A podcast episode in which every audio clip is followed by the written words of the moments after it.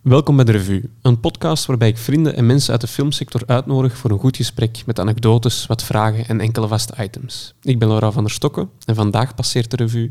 Stijn Konings. Dag Stijn. Dag Laura. Een vaste vraag die ik altijd aan mijn uh, gasten stel, zodat de luisteraar zich een beetje kan inbeelden in wat voor setting we zitten. Beschrijf de ruimte eens waar we zijn.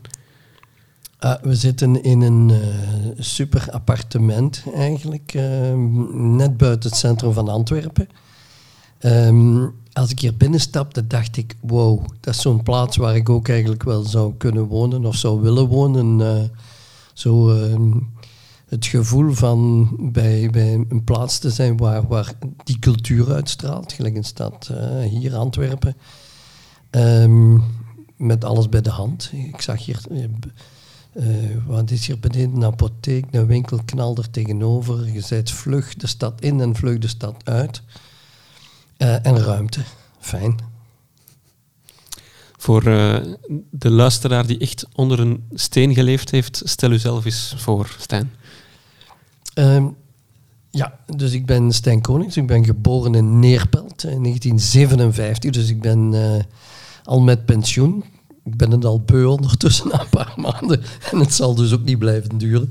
Nee, officieel ben ik met pensioen.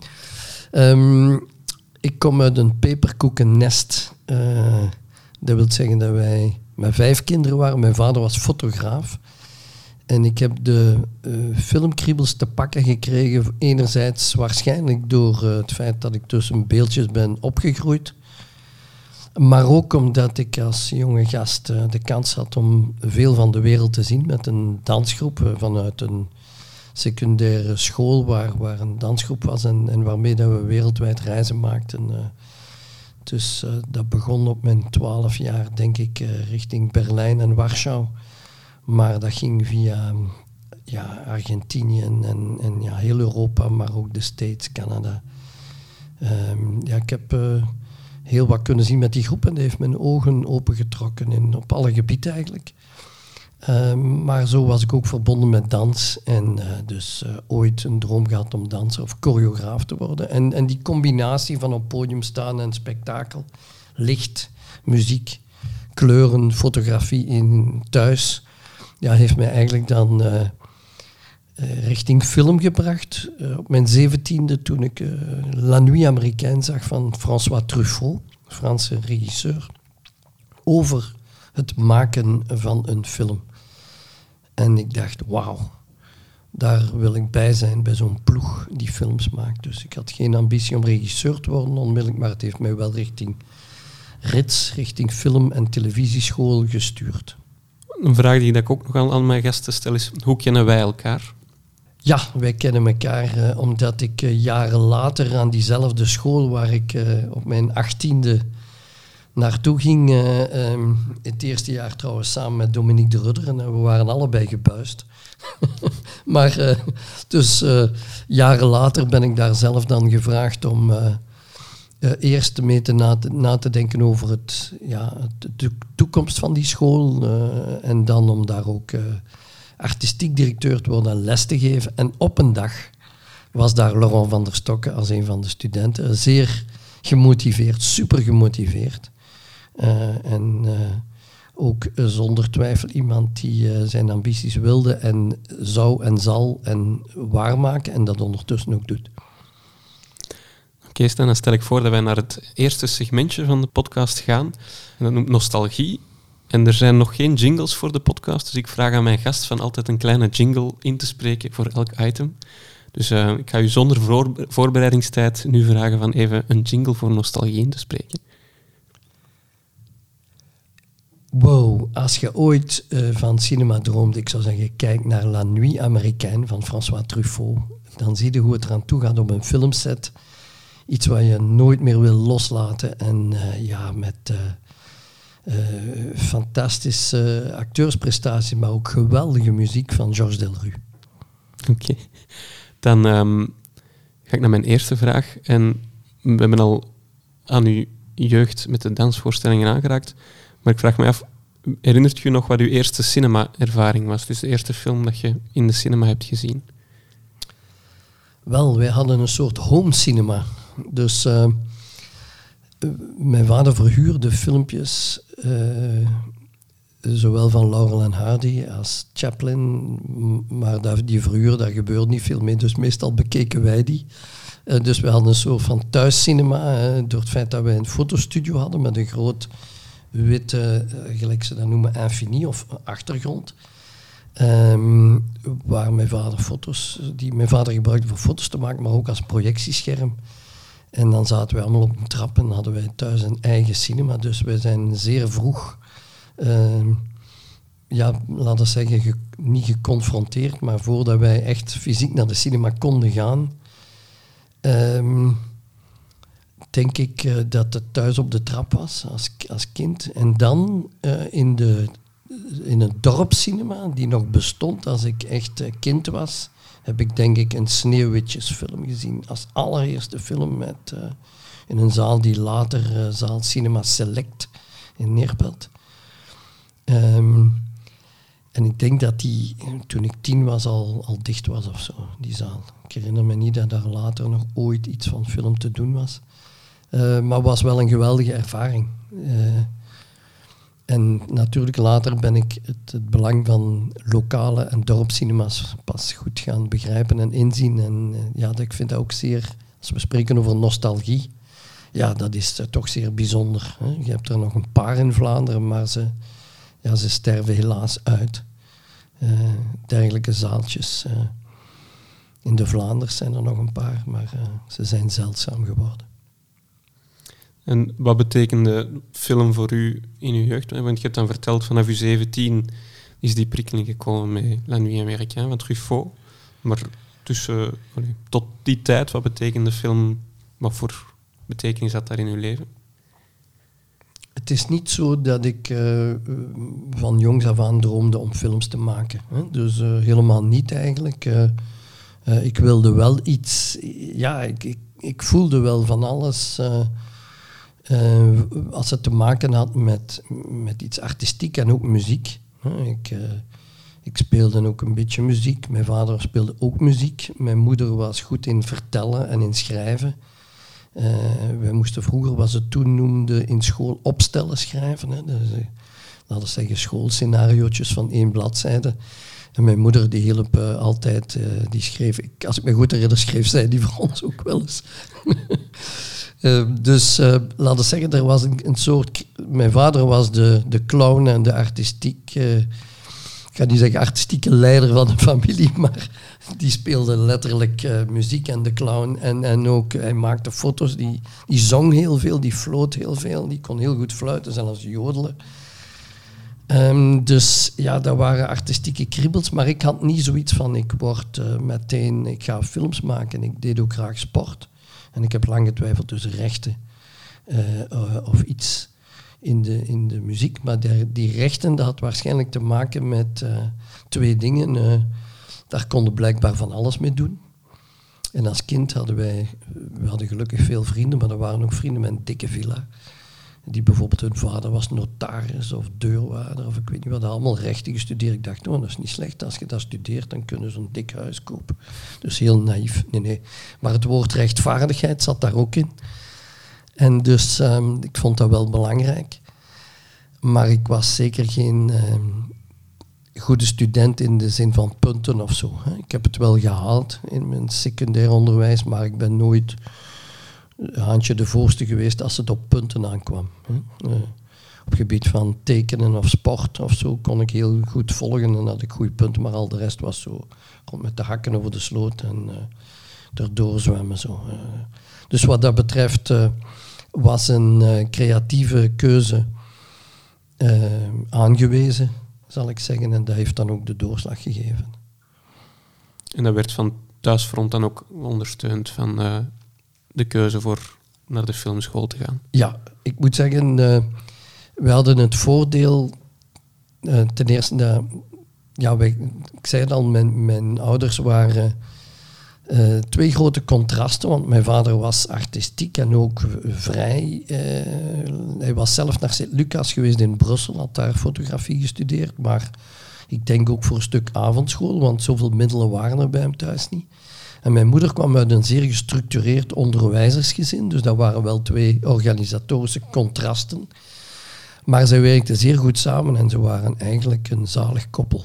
Uh, natuurlijk met ups en downs, maar, maar ik kan me niet herinneren dat er bij ons een soort van vechtlust was om uh, zoveel mogelijk ruzie te maken. Het was eerder andersom en dat was natuurlijk als kind zeer fijn. Ze waren duidelijk streng in de zin van um, ja, niets doen, dat hoorde niet tot uh, de woordenschat. Hè? Dus wij, wij, werden regelmatig erop gewezen, zo niet verplicht. nee, maar uh, wij, wij, moesten, werden ingeschakeld, zowel in, in de afwas, maar ook bij de winkel en, en, het fotowerk. Maar daar tegenover stond een gigantische vrijheid. Hè? Dus uh, als we niets doen was niet goed, maar we mochten ook, als we wilden gaan sporten, spelen, uh, of, of ergens naartoe, of mijn vriend, dat was ook goed, maar niets doen, dat ging niet. dus, uh, en dat wil zeggen dat in onze studiekeuze wij ook de volledige vrijheid hadden. Dus niemand werd gepusht om, om, om uh, de, de fotowinkel over te nemen of te doen wat de ouders graag hadden dat we deden. Dus we zijn alle vijf, we waren met vijf, vier, dus ik heb drie broers en een zus. En iedereen mocht doen wat hij wou, wat hij voelde of zij voelde. En dus ja, dat is ik heb dat pas achteraf natuurlijk ook uh, beseft. Zeker als ik dan veel jonge mensen later begeleid heb, dat die vrijheid uh, ja, fantastisch is. Hè. Dat wil zeggen dat ze mij niet hebben gezegd van doe dat niet. Hè. Of waar, waar begin nu aan? Nee, uh, dat was oké. Ik werd daarin gesteund. En um, mijn vader heeft mij zelfs in contact gebracht met iemand die trouwens ook, die hij had zelf had leren kennen uh, bij de VRT. En uh, dus ik kreeg een rondleiding voor ik naar het rits ging bij de VRT. En ik wist ook niet of ik film of televisie ging doen. Ik vond dat, of theater, ik vond dat allemaal boeiend. Maar film trok mij het meest aan. En vooral waarom ik geen televisie deed, dat was dat... Uh, er was toen ook een fameuze en zeer goede uh, leraar-journalist, uh, Maurice de Wilde, maar die, had die was gigantisch streng en die had een enorme dikke cursus met veel theorie. Dus dat was niet aan mij besteed. Dus alleen al om die cursus te ontwijken, was de keuze zeer duidelijk. Ik ging voor film. Ik pik er misschien ineens op in, op het, op het rit staan. Hoe was die, wat was uw eerste impressie als je bij het rits binnenkwam? Ik was zeer onder de indruk. Ik herinner mij een les van, we hadden Eddie Stijlaerts, dat was een televisieregisseur met veel kennis van muziek. En ik herinner mij op een eerste les in de zaterdag voormiddag, want toen was nog les tot zaterdags één uur. En die zei, ehm, wie niets te vertellen heeft, kan beter zijn valies pakken en naar huis gaan. Ik dacht, oei. En ik wou opstaan, maar iedereen bleef zitten. Dus ik dacht, ja, dan, kan ik, dan blijf ik ook maar zitten. dus, maar ik was gigantisch uh, onder de indruk van het feit dat je iets te vertellen moest hebben als je regisseur wilde worden. Dus ik kon er natuurlijk ook niet plaatsen, want ik was een, ja, een soort jong kieken zonder kop. En ten tweede waren er, uh, ik, finaal gezien waren wij met, uh, ja, ik denk dat we met een 120 of zo begonnen zijn, of 100, ja. En, en uiteindelijk schoten we met negen over in het film in het laatste jaar. Maar er waren uh, mensen bij, en die trouwens later ook, waar ik nog veel mee gewerkt heb. En uh, toevallig heb ik deze week nog één gezien, maar dat was bijvoorbeeld Herman van Eycken. Ook Paul Pauwels. En ook Rob Rombout, dat waren ten eerste niet alleen grote kerels, maar die straalden iets uit. Ik zie Herman nog staan bij de toelatingsproef. En ik dacht, amai, die heeft al de look van een regisseur. Dus die in mijn ogen kon je ook kijken gelijk de regisseur. dus ik, uh, ik was geweldig onder de indruk. Ik ben zelf klein van gestalte, die waren, die waren ook heel grote. Maar ook die, die, die hadden zo'n blik in hun ogen van ik word regisseur en ik wist van toeten op blazen. Dus ik, ik wou in de film werken, maar ik wist niet eh, wat dat precies allemaal, hoe dat, dat in elkaar zat. En ik had wat filmtitels van buiten geleerd. Uh, ik had wel wat films gezien, maar ik was zeker geen encyclopedie, trouwens nog niet. En, uh, dus ik had me daar wel op voorbereid, maar ik was gigantisch onder de indruk. En waarschijnlijk ook, uh, ook trouwens door de stad. Niet voor niets dat de dag van vandaag er een soort, al sinds een aantal jaren, een inbrusselingsweek bestaat voor de studenten. Omdat die, ja, als, als komende uit een klein dorp en dan naar zo'n grote stad gaan, en zeker Brussel, hè, want dan is Antwerpen of Gent weer een dorp vergeleken met Brussel. Hè. Ehm, ja, dan, dan is dat zo overweldigend dat ik eigenlijk een jaar nodig had om daar te acclimatiseren. En dat gebeurde ook. Dus het eerste jaar liep ik daar echt eh, een beetje verloren. En vanaf dat tweede jaar, toen ik dubbelde, ja, vanaf dan begon ik me goed in mijn vel te voelen en van toen was ik vertrokken. Dat is een gevoel dat ik ook ergens wel deelde op Tritsten. Zo de, de, eerste paar maanden op Tritsten voelde ik me zo aan een kempenuil die dan in de grootstad was beland. Zo, een Ja. beetje verloren. Ja, en ik, ik, goh, ik, eh, ik, ik- Het is niet dat het Frans mij overdonderde, want eh, een deel van onze familie woonde eh, in en rond Brussel. En dus het is, het is niet dat ik nooit geen Frans thuis had horen spreken. Hè, dus ik, daar was ik wel op voorbereid. Eh, dus het was dat niet wat mij eh, imponeerde, maar ja, die, die, dat multiculturele, maar vooral ook ja, dat, dat grootse en dat vreemde. Hè. Dus, eh, en ook die ja, van, vanuit een warm nest komen. Ik was trouwens de enige van de vijf die thuis, die nooit op, op kot was geweest, en die nooit op internaat was geweest. Dus mijn drie broers en mijn zus zijn, iedereen is op internaat geweest thuis. Daarom niet zes jaren van hun secundair onderwijs, maar wel een aantal jaren, maar ik nooit. Dus ik was altijd thuis gebleven en voor mij was dat de eerste keer dan alleen op een kot, nog echt met een kot madame zo, hè, eh, waar dat er geen meisjes op de kamer mochten komen. En had ik ook nog zo een, een kot waar nog net eh, plaats was, zo op een overloop met een klein kamertje. Ja, en dat is zo, eh, ja, durf ik naar buiten komen of durf ik niet naar buiten komen, dat is allemaal nieuw. Hè? Dus, eh, maar ik zeg het, eh, eh, het heeft een jaar geduurd en toen wist ik de, de weg naar, vooral naar het feesten. Hè, dus het eerste jaar was ik veel te braaf. Hè. Vanaf het tweede jaar ben ik erin gevlogen, ook met vuiven en feesten. Toen ging alles beter. Had ik ook beter punten. En hoe is het parcours op Trits dan verder verlopen van, van daaraf? Na dat Wel, eerste jaar. Ehm, ik herinner me de tweede zit van het eerste jaar. We hadden les van, van zekere Mark Galle. Dat was toen een, een heel grote naam, ook al op televisie, want hij, hij zat achter een programma. Hier spreekt men Nederlands. Hij was een gewaardeerde professor en, en, en gedroeg zichzelf ook zeer belangrijk. En ik herinner mij dat hij ehm, mij een vraag stelde en ik, ik, ik kreeg al bijna een blackout. Ik denk dat het in juni was en hij keek door het raam naar buiten, dus hij keek mij ook niet aan. En ik probeerde te antwoorden en toen zei hij, meneer Konings, ehm, als je in september zou willen terugkomen, ik zou toch maar eens twee, twee keer nadenken of dat voor u iets is hier, eh, die school. Maar naarmate de jaren vorderden, eh, voelde ik mij beter omdat het meer praktijk werd. Ik durfde ook eh, vragen stellen en, en eh, ik durfde ook mijn mening eh, te zeggen. En ik heb een stage gedaan tussen mijn derde en mijn vierde jaar, eh, van drie, meer dan drie maanden op de Witte van Sichem. Met Robert Herde als regisseur. En ja, dat was natuurlijk een geweldige ervaring. En ook, ja, wij moesten maar twee weken stage doen. Hè? Ja. En sommige van mijn collega-studenten die deden die twee weken en dan was die plicht vervuld. Maar ik ben daar drie maanden gebleven. En ik heb op die drie maanden gigantisch veel geleerd, maar ook... eh, eh, dat wil zeggen dat ik op een heel andere manier aan het laatste jaar ben begonnen. En naarmate eh, het, het verder ging, en ook herinner mij ook in het derde jaar dat ik met, met een, een docent, toen eh, is helaas overleden nu, Emiel Degelen, een heel conflict had, omdat we discussies hadden over, over het draaiboek, decoupage en de as. Hè, een- de as, dus de kijkrichting eh, bij filmopname en eh, waar moet de camera staan, aan welke kant moet er gekeken worden en zo verder.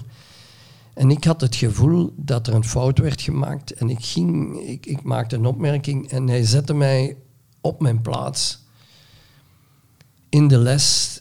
Eigenlijk, eh, hij zette mij te kakken, zal ik zeggen, ten opzichte van iedereen. En ik vond dat niet correct, want ik was eigenlijk zeker dat ik eigenlijk een terechte vraag en eigenlijk gelijk had. En natuurlijk, toen ik die stage had gedaan, voelde ik me beter in mijn vel en durfde ik ook meer zeggen. En ja, ik, ik ben dan in, van eigenlijk onderaan de ladder ben ik in het laatste jaar als eerste van de klas uitgekomen met grote onderscheiding. Gewoon omdat ik durfde zijn wie ik was na die vijf jaar. En dat was voor mij de belangrijkste evolutie in het rit. Van, van, van bang, klein. Allee, klein niet zozeer fysiek, want dat ben ik nog altijd, maar ik wil zeggen van niet durven naar wel durven.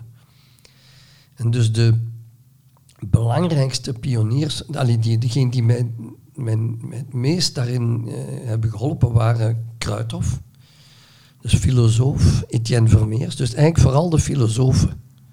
Dus niet zozeer de filmmakers op de eerste plaats. En ik had wel, en dat voelde ik, de steun. Uh, en die pikte mij op, Roland Verhavert. Hij was trouwens de producer van uh, De Witte van Sichem. En die had mij als stagiair aan de gang gezien. En, en ook de verhalen waarschijnlijk, uh, of de feedback gekregen vanuit, vanuit de mensen waarmee ik, waar, waarmee ik werkte. Of onder wiens vleugels ik moest werken als stagiair.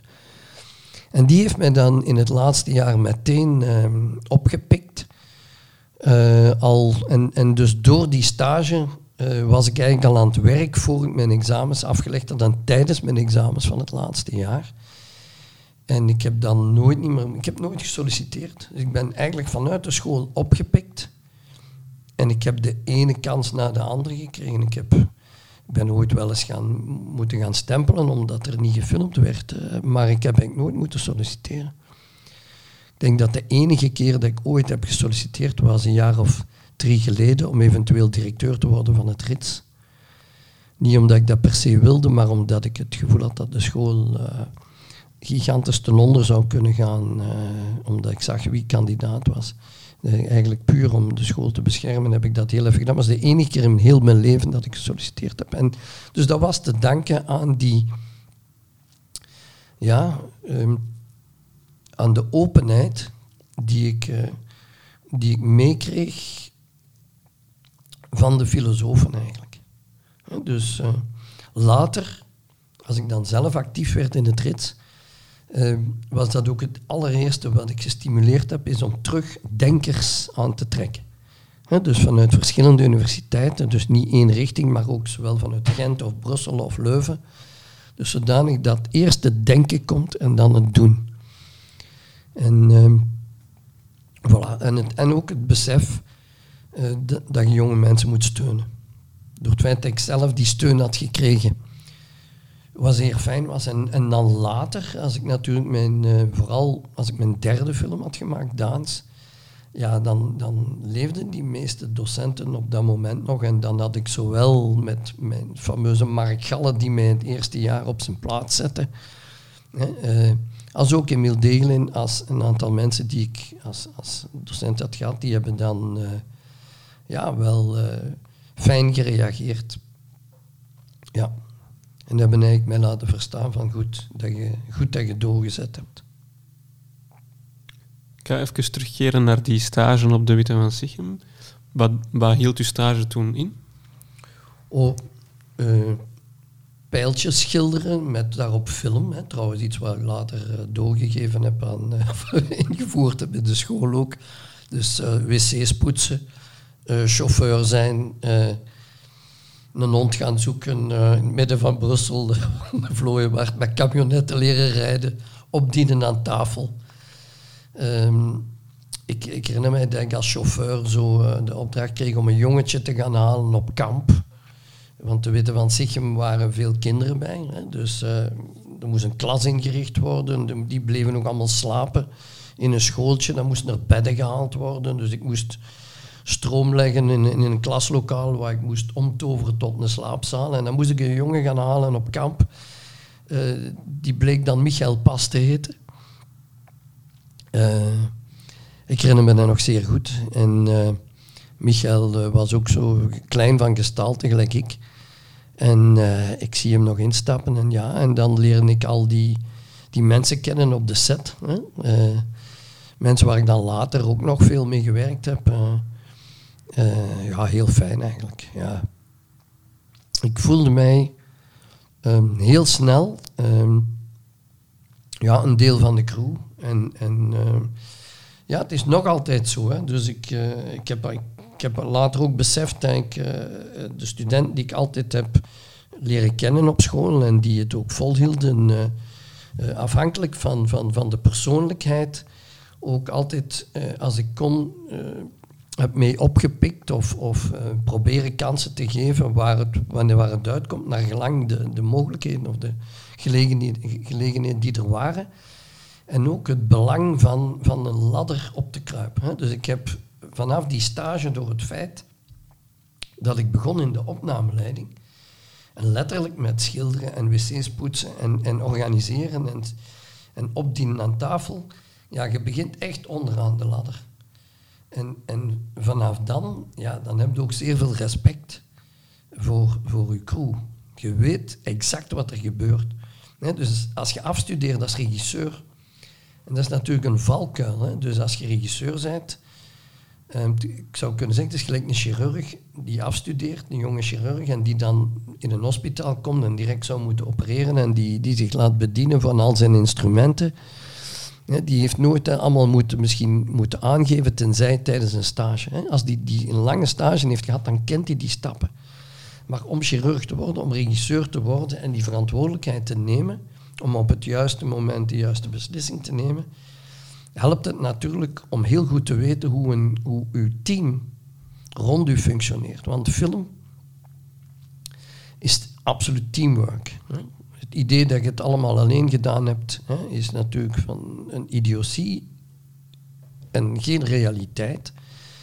Maar het is vooral natuurlijk een kwestie van te beseffen dat het zo in elkaar zit. En die stage, ja, die heb ik gewoon doorlopen. Ik wist toen natuurlijk niet waar het naartoe zou leiden. Maar achteraf heb ik natuurlijk heel goed beseft wat het, het geluk en het voordeel was om drie maanden mee te draaien. En later ben ik dan eigenlijk, ik, eh, tijdens de examen bijvoorbeeld op het RITS, het laatste jaar, we kregen les van uh, André van den Bunder, dat was een van de grote, op dat moment, filmtheoretici. En ik moest een examen gaan af, afleggen en dan... Ehm, ik herinner mij dat ik chauffeur was op de film Vrijdag van Hugo Claus. En dan de avond ervoor reed ik dan met de actrice Kitty Cobois, die in die film speelde, naar Amsterdam, want zij moest dan s'avonds theater spelen, in theater spelen. Dan ging ik op haar appartement studeren. Uh, terwijl zij in de voorstelling zat, dan ging ik ze weer halen. En dan had ik Sander daags al om kwart voor acht afgesproken met Van den Bunder om een examen Ehm, te mogen vroeger komen afleggen, want ik moest die diezelfde dag opnieuw chauffeur zijn en dat kon. Dus ja, dat was eigenlijk geweldig. En, hetzelfde met een andere docent, er was toen ook een concert van Clapton en ehm, eh, in, van Eric Clapton in Rotterdam. En ik wou daar naartoe en dus toen heb ik ook een examen vroeger mogen afleggen om op tijd daar te geraken. Allee, dus de band met, die met de docenten was eigenlijk wel heel fijn. En, en ja, Veravert, die heeft mij opgepikt en, en ja, anderen ook. Hè. Dus ik, uh, ik was chauffeur tijdens uh, mijn examens en ik denk een maand later werd ik setdresser. Ik, dus een, een, ja, op de set zorgen voor de requisieten en de juiste plaats en van alles doen. Ik die nog altijd twee linkse handen heb. Ik kan nog altijd geen schroef in een muur boren, werd dan een keer setdresser. Um, en, en drie maanden later, de, die setdresser was op de film uh, van Peter Simons, Het einde van de reis. En drie maanden later vroeg Verhavert mij om zijn eerste assistent te worden. Dus ik was eigenlijk op zes maanden na mijn studies eigenlijk van die stagiair naar chauffeur, naar centresser, naar eerste assistent geëvolueerd in een minimum van tijd. Uh, dus dat ging pijlsnel. Maar ook achteraf heb ik pas beseft waarom een aantal functies uh, ja, waren ten eerste voor interpretatie vatbaar. Er waren zo weinig mensen die die functies vast konden uitoefenen, omdat er zo weinig films werden gedraaid. En het bleek dat bijvoorbeeld Peter Simons uh, tot dan toe, de jaren daarvoor, de enige echte eerste assistent was. En hij werd vanaf dan ook regisseur. Dus Verhavert was zijn assistent kwijt. Tegelijkertijd, setdressing, dat was zoiets, dat, daar waren geen specialisten in. Ehm, en dus uh, ik had kunnen vaststellen op de vorige sets wat dat ongeveer was, maar ik leerde eigenlijk aldoende. Ja, en ik, uh, ik deed gelijk ik dacht dat het moest. En toen bleek toen, dat ze heel tevreden waren. Niet zozeer omdat ik technisch onderlegd was, want een setdresser moet bijvoorbeeld ook lampen ophangen. Maar ja, ik, al wat ik niet kon zelf, door het feit dat ik al een deel van die ploeg had leren kennen tijdens mijn stage. Hè, en opgediend had aan tafel met die mannen, kon ik die aanspreken. Hè. Uh, en letterlijk was ik voor hun al wel eens naar de winkel gegaan, extra saucissen gaan halen of ik weet niet wat. Hè. En uh, dus durfde ik ook zeggen, Jean of de dien, kun je me niet eens even, want die lust erop hangen, ten eerste, dat is veel te zwaar voor mij. En dan zei hij, maar ja, Stijntje, kom. dus het was eigenlijk leren omgaan met mensen. Dat is de sleutel. Hè? Film maken is omgaan met mensen. Hè? Dus het is meer als 50% psychologie, is regisseren, is meer dan 50% psychologie. De techniek is techniek. Hè? En, en dus, ja, je hebt je ogen en je hebt je oren. Dat is het, audio, het, je ogen is het visuele, oren is de audio. En het audiovisueel is een kwestie van uw ogen en uw oren te gebruiken. En dan is al de rest, is, het gaat over mensen. Het gaat over denken, het gaat over inhoud. En dus ik heb eigenlijk uh, dan de kans gekregen om, ja, uh, door het feit dat ik dat vertrouwen kreeg van Roland Verhavert en het feit dat die functies niet bestonden, echt in de zin van uh, dat zijn de, de, het gamma eerste assistenten waar je uit kunt kiezen, het gamma setdressers, het gamma opnameleiders. Nee, er waren chefs die die functie invulden en sommige gedurende jaren, dat waren dan ook sowieso de beste van het land omdat er zo weinig films werden gedraaid dat die mensen door hun ervaring ook absoluut uitblonken in die, in, in die functie. Um, en zo kreeg ik de kans om eerst een assistent te zijn. En dus dat wil zeggen dat ik tussen 1980, want 79 was de witte, dus vanaf eind 1980 was ik voor de eerste keer gevraagd uh, als eerste assistent. En vanaf 1981 tot 687, uh, ik denk 88 Blueberry Hill was voor mij de laatste. Uh, heb ik 18 films gedaan als eerste assistent. Ja, dat is natuurlijk een, een, een onwaarschijnlijke ervaring, een leerschool. En, dus dat heeft mij ja, heel veel inzicht gegeven in het filmmaken. Er, er zitten ook wel best grote sleutelfilms tussen. Als je dan gaat kijken, de, de Leeuw van Vlaanderen zit daartussen, Zaman zit daartussen. Dat zijn toch films in de, in de Belgische filmgeschiedenis dan die elk zijn eigen eikpunt toch zo hebben gevormd. Hoe is dat geëvolueerd dan, die assistentie nu? Er wordt nu specifiek ook voor opgeleid, maar het gevoel dat daar um, een verandering van focus is gebeurd of zo, ten opzichte van toen, ten opzichte van nu? Ja, er is een, er is een enorme verschuiving gekomen. Hè. Het is niet voor niets dat bijvoorbeeld RITS en, en, en SAS tegelijkertijd zijn opgericht uh, rond 1960. Uh, eh, vanuit uh, verschillende, twee verschillende zenders, vanuit RTBF, RTB en BRT toenmalig. Hè. Dus dat wil ook zeggen, omdat alles wat audiovisueel werd, werd vanuit televisie gestuurd. En de pioniers in de cinema, gelijk in documentaire was er Joris Ivens en Henri Stork en zo verder. En je had Harry Kummel, gaat André Delvaux, Roland Verhavert, Emile Degelin. Je had een aantal mensen die individueel uh, pioniers waren en, en eigenlijk heel, heel straffe films maakten. Zeker ook door de middelen, door hun, die, eh, ondanks het feit dat er nog maar weinig steun was, maar die pure passie voor de cinema. Hè, um, dat wordt dikwijls vergeten, grote cinema maakten. Hè. Die mensen geraakten met hun films uh, ook ver buiten de grens, ook tot het festival van Cannes. Hè. Dus is niet de Dardens die voor de eerste keer in Cannes zijn geraakt. Hè. Dus Verhavert was ook met zijn films in Cannes. En dan kwam natuurlijk een periode in de jaren 70, begin van de jaren 80, dat er een beetje werd stilaan neergekeken op de zogezegde, wat ze begonnen te noemen, de boerenfilms. Hè. Alleen maar over dat soort aarde, klonterwerk en zo verder. Terwijl de VRT, um, ehm, of toenmalige BRT, hè, een beetje fictie deed, maar vooral wat ze zelf hè, uh, aanstuurde. Maar de fictie behoorde grotendeels nog tot de televisiewereld. En dan waren er natuurlijk de Antwerpse mannen, hè, gelijk de Robben, hè, de, de, vrijbuiters Guido Hendricks, Patrick Lebon, die dan Zaman inderdaad later maakte. En dat waren mannen die op een andere manier al naar cinema keken. Hè. Je had tegelijkertijd Colette en Drouot, Pierre Drouot, die later het FAF ging leiden. Dus die, die brachten een eerste... Dat was een nieuwe generatie die ook al grotendeels les hadden gekregen in diezelfde school of in Sint-Lucas. Um, en die dan ja, een nieuwere, op een andere manier al film gingen maken. Maar pas in de jaren tachtig ja, diezelfde mensen die deden door, hè, zowel Le Bon als Robbe de Hert als uh, ook Harry Kummel en zo verder. Dus die waren nog altijd aan zet. Um, maar er kwam een, um, stilaan een, een, een, bewustzijn van, kijk, uh, uh, op, zowel op technisch gebied hè, moeten we proberen in te zetten nog meer, ook in genre. Vandaar dat Saman als een eerste politiefilm werd gezien.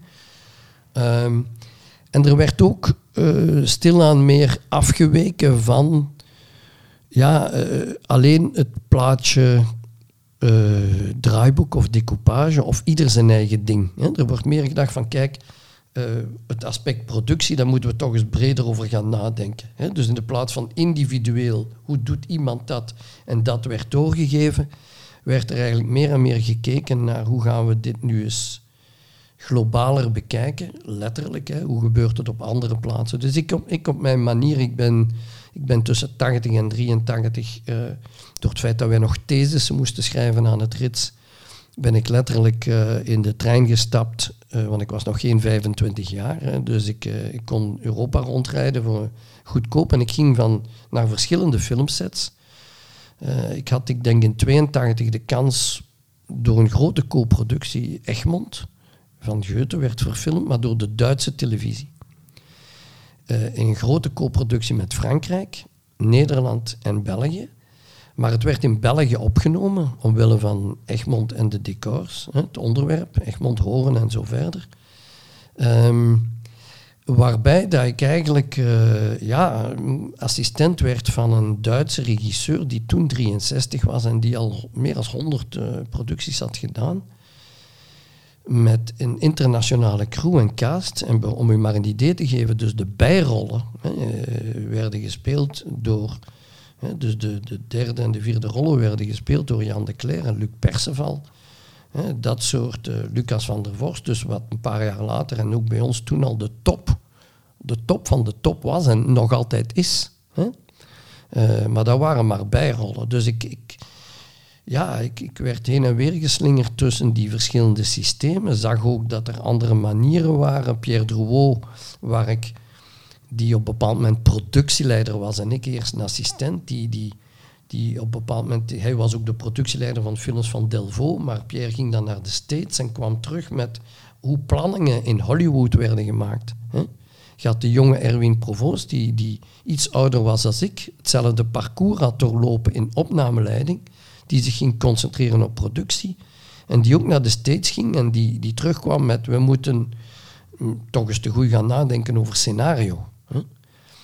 En in de financiering van de films ja, was er een maximum plafond bereikt. Want bijvoorbeeld een, film gelijk Brugge die Stillen uit 1981, die, of, of uh, Congo Express, daar herinner ik me nog veel beter, hè, die, die gedraaid werden uh, voor 25 miljoen Belgische frank. Dat was op zich heel veel geld.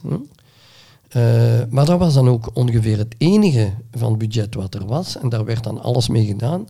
En dan werd er eigenlijk op voorhand al gezegd, kijk, maximum zoveel draaidagen, maximum zoveel meter pellicule.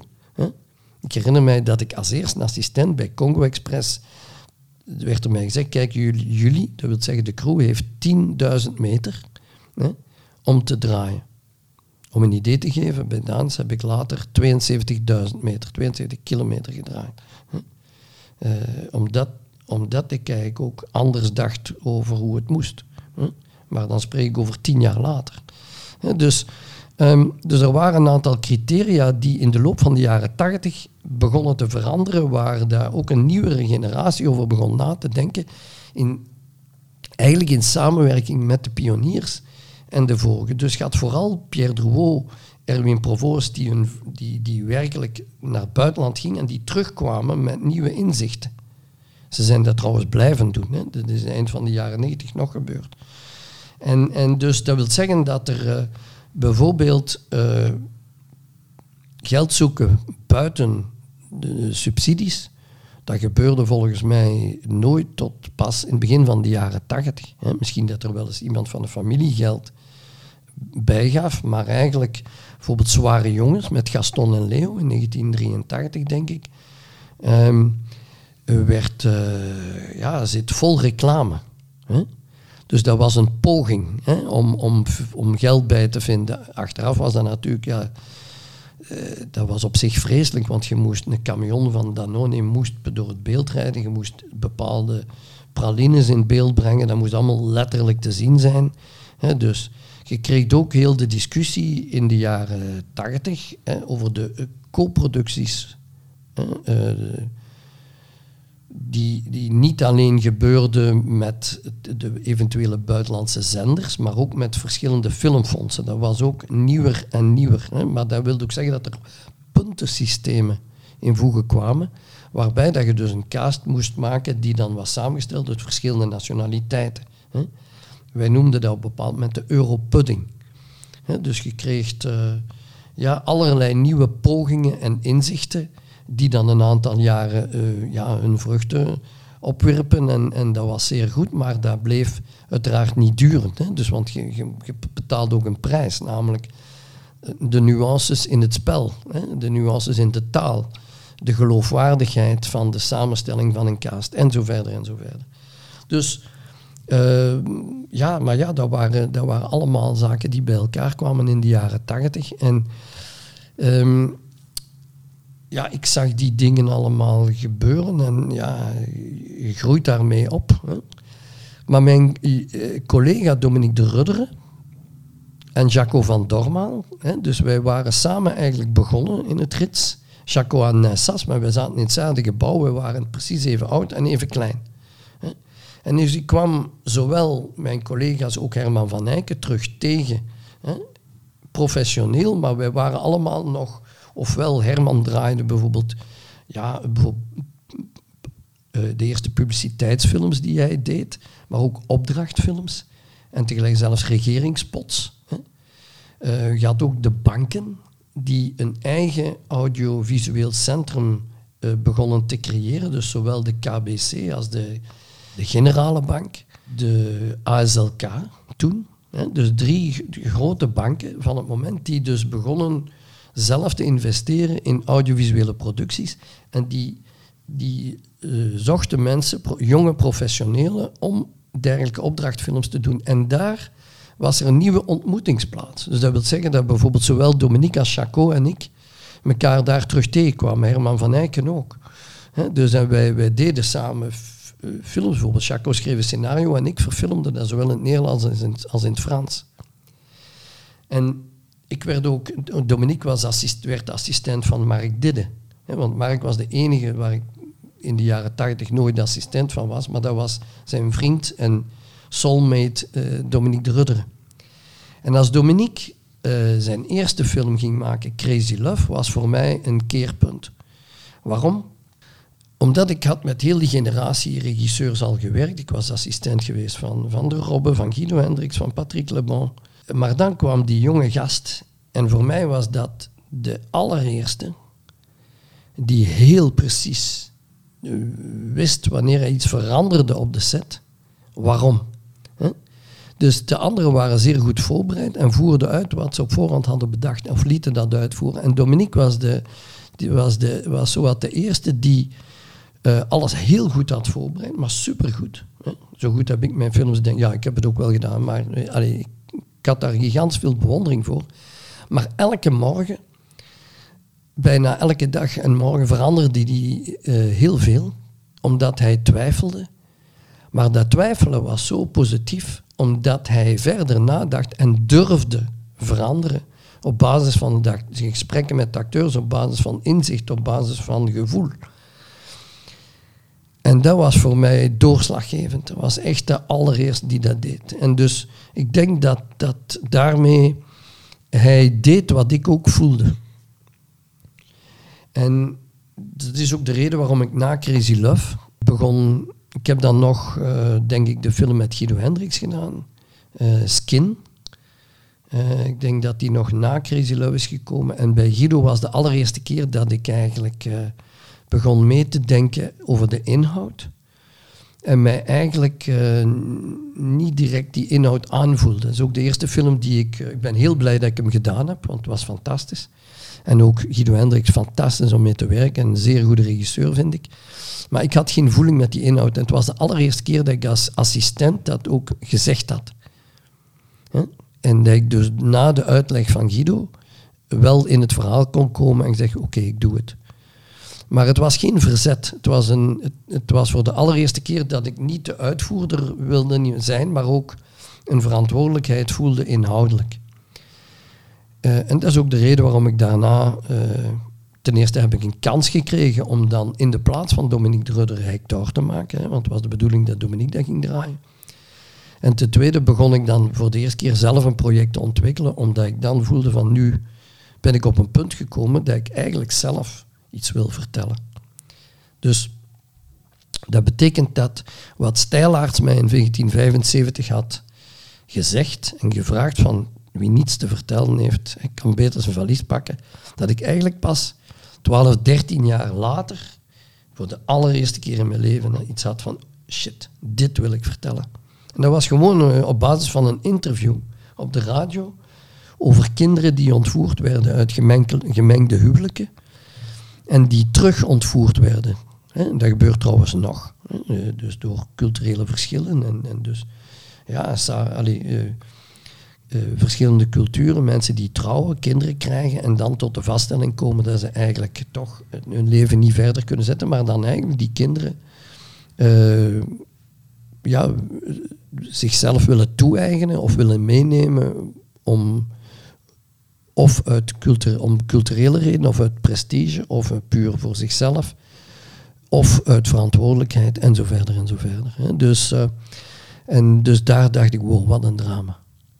En de, dus het was eigenlijk een heel ernstig onderwerp. En toen kreeg ik een, een comedy in mijn schoot geworpen, namelijk Hector.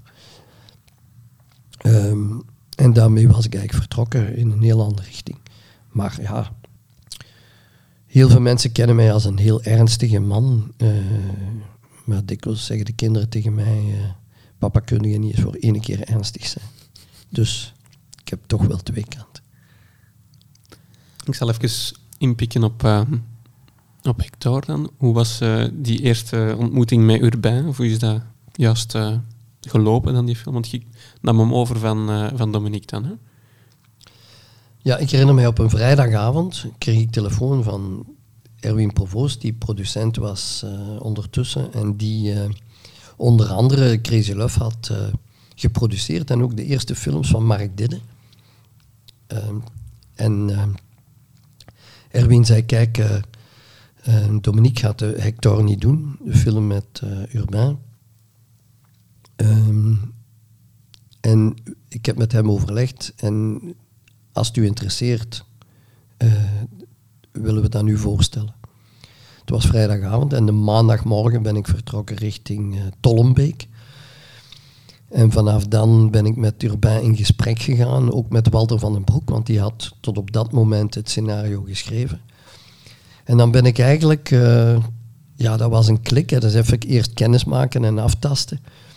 Maar dan ben ik nog naar alle optredens gaan kijken die Urbanus op dat moment had, nog in de zalen, om te gaan voelen eh, hoe het publiek reageerde en, en eh, wat ik zelf grappig vond en wat zijn sterke kanten waren. En dan zijn we begonnen met het herschrijven van het scenario. En dat is iets wat ik eh, tot op de dag van vandaag, dat was puur intuïtie, maar waar ik ook, wat ik nog altijd doe. Dus ik heb, eh, mijn ambitie was eigenlijk zeker aanvankelijk nooit van scenarist eh, te zijn. Ik voelde dat ook niet. Ik, had ook, ik heb ook niet, het, laten zeggen, de discipline en het talent om om, om negen uur heel braaf en gedisciplineerd aan tafel te gaan zitten en dan keihard te werken aan een scenario. Ja, want scenario is eigenlijk wel een van de... Ik ga, het is het moeilijkste, denk ik. Regie is, is het, mooiste, vind ik. Maar impliceert voor mij ook het scenario. Hè. Dus in die zin is regie nog moeilijker, omdat je eigenlijk ook de verantwoordelijkheid voor het scenario meeneemt. Dus, uh, maar het, het schrijven van een scenario is, is misschien ja, het, het moeilijkste in de zin van als dat echt schitterend is, ja, dan heb je eigenlijk al heel veel, zoveel gedaan dat je al alleen nog een bende idioten kan dat kapot krijgen. Hè, om het nu on, oneerbiedig te zeggen. Maar ik heb al met zeer goede scenaristen gewerkt, maar ik heb nog nooit een scenario voor mijn neus gekregen waar ik van denk van ja, wow, ik verander hier niks meer aan. Hè. En de keren dat ik het niet gedaan heb, heb ik er spijt van. Dus het is niet dat ik het beter weet. Hè. Dus, uh, uh, maar het, is, het heeft te maken met een gevoel. Hè. Dus een regisseur is verantwoordelijk voor alles. Dat is mijn, mijn uh, idee, mijn gedachte, mijn, mijn overtuiging, laat ik zo zeggen. Regisseur is artistiek verantwoordelijk, maar heeft ook een verantwoordelijkheid voor de economische gevolgen. Je kunt zeggen dat dat is mijn probleem niet, maar het wordt uw probleem als je, als je nog niet uw probleem is. Um, en in die zin, um, ja, kunt u afvragen, ja, maar wat, hoe doe je dat dan? En wel, daar zit de sleutel, is dat gevoel en, en die mensenkennis en die psychologie. Hè? Psychologie in de zin van durven luisteren, kijken, luisteren, maar ook beslissingen nemen op basis van uw echte overtuiging. Gevoelsmatig. Hè? En, en niet hopen dat. Niet hopen op toeval. En zeker niet uh, uh, van, ja, de anderen zullen het wel... oplossen. Ja, natuurlijk gaan de anderen het oplossen op heel veel gebied, maar niet over de finale artistieke verantwoordelijkheid. Uh, ik kan het ook anders zeggen. Waarom wordt de regisseur? Wel, als je niks kunt, dan moet de regisseur worden, want al die anderen lossen het op. Ja? En moet alleen maar actie zeggen. Want ik, kan eigenlijk niks, maar ik, kan alleen maar horen en zien. Vraag mij niet om. Ik, ja, kan misschien nog de camera aanzetten. Hè? En als ik dat technisch was blijven volgen, zou ik het nog kunnen. Maar ik begrijp zeer goed wat een camera doet. Dat is iets anders. Maar ik kan er allemaal... Ik ken niks van knoppen.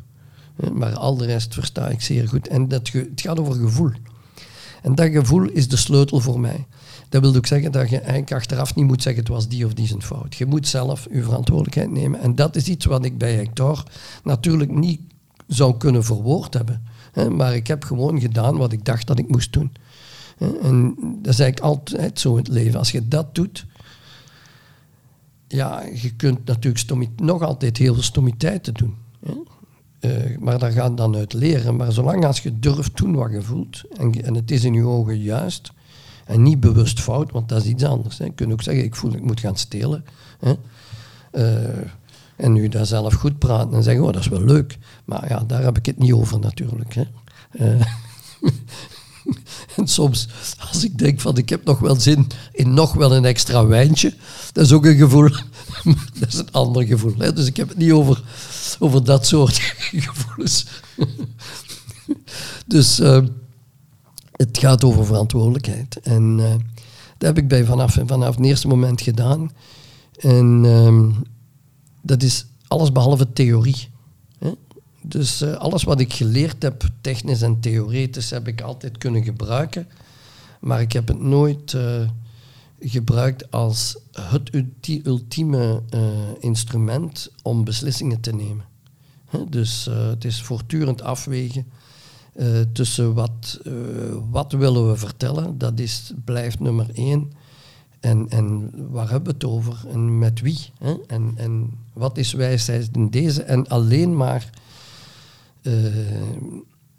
en zeker niet het grote gelijk willen hebben. Hè? En alleen maar doorvoeren wat je echt wilt zelf denkt, als je zeker bent dat dat de enige juiste oplossing is. Dat betekent dat je goochelt met de talenten van al die anderen en dat je dus eerst moet luisteren en kijken naar ook al die andere talenten. Dus je hoeft niet alles alleen te doen. Integendeel, die anderen doen het allemaal. Van schrijven tot spelen, tot, tot inbrengen en zo verder. Maar die, wat neem ik aan, wat neem ik niet aan, dat is natuurlijk, eh, of wat is grappig, wat is niet grappig. Ehm, daarin durven zelf voelen uh, is zeer belangrijk. Uh, en zeker in geval met een urbanus bijvoorbeeld, ervan uitgaan dat, want dan zei kijk, hij is de komiek en ik niet. En als het, grappig, als het niet grappig is, is het zijn fout. Nee, nee, nee, zo werkt het niet. Hè. Dus je moet overtuigd zijn van de keuze die je maakt, ook al heb je de grootste komiek of de grootste acteur naast u. Dus uh, dat is de enige manier waarop dat je elkaar optilt. En het geheel optilt in functie van de film die je wilt maken. Maar erop rekenen dat het talent waar iedereen naar opkijkt, en jij zelf ook, uh, en die zegt, ja kijk, ik ga niet beslissen, want dat talent weet alles. Dat is zeer gevaarlijk, want dan, dan ontwijkt u eigenlijk uw eigen verantwoordelijkheid als regisseur. En ja, ik denk dat dat het, het fantastische is aan ons beroep. Is die, door het feit dat dat nooit twee dagen hetzelfde is. Dat kan niet.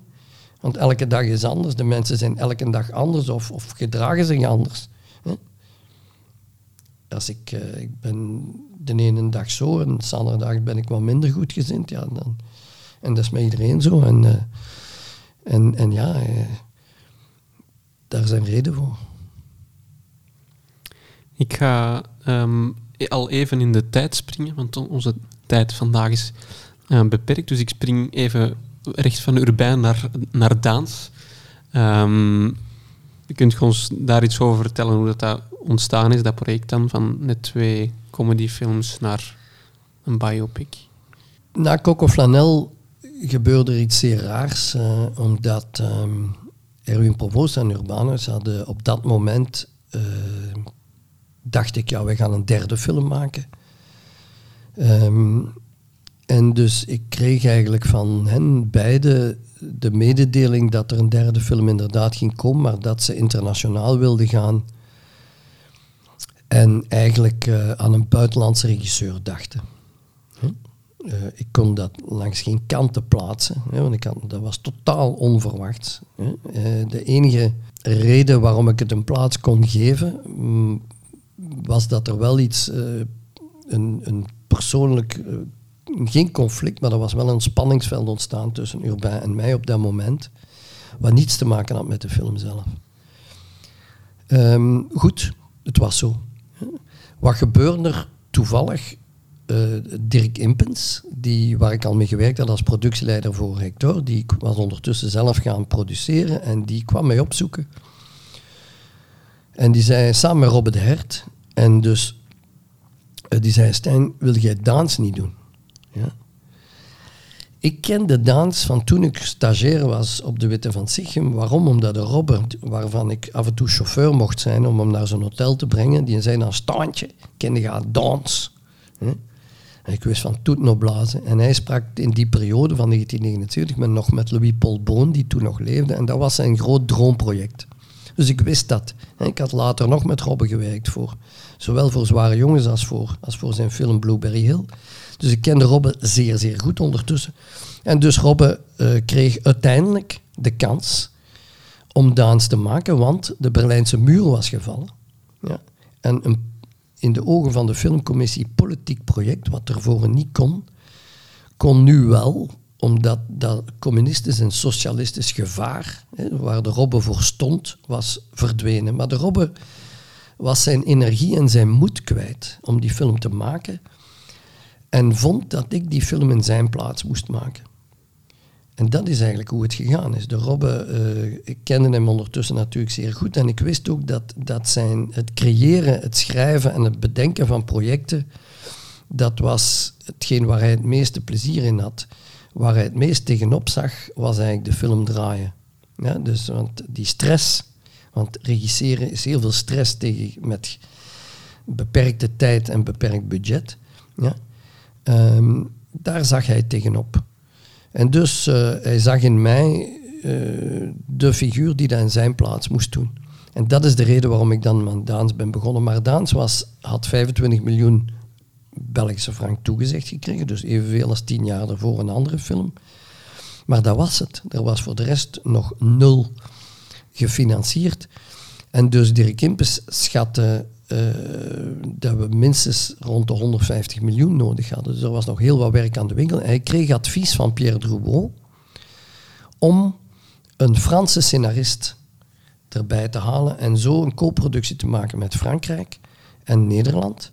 Uh, zowel in cast als in crew, maar voor scenario een Franse scenarist. Dat maakt dat ik eigenlijk uh, met het scenario van Robbe de Hert en Fernand Aura en het boek van Louis Polbo naar Parijs ben gegaan, dat die Franse scenarist dat scenario nauwelijks had gelezen en daar eigenlijk ook niet over wilde babbelen. Ja? Uh, want hij wou zelf bepalen waarover het ging. Dus dat scenario hebben we eigenlijk nooit niet meer open gedaan. Hij had dat wel diagonaal gelezen. Ik had dat beter gelezen, maar hij niet. En dus ik moest eigenlijk het boek van Boon, wat niet bestond in het Frans, zo goed als in met mijn Frans dan beginnen te vertellen. Dat wil zeggen dat ik acht maanden in Parijs ben geweest ongeveer. En dat we dat scenario in het Frans hebben geschreven. Ik heb dat later terug vertaald.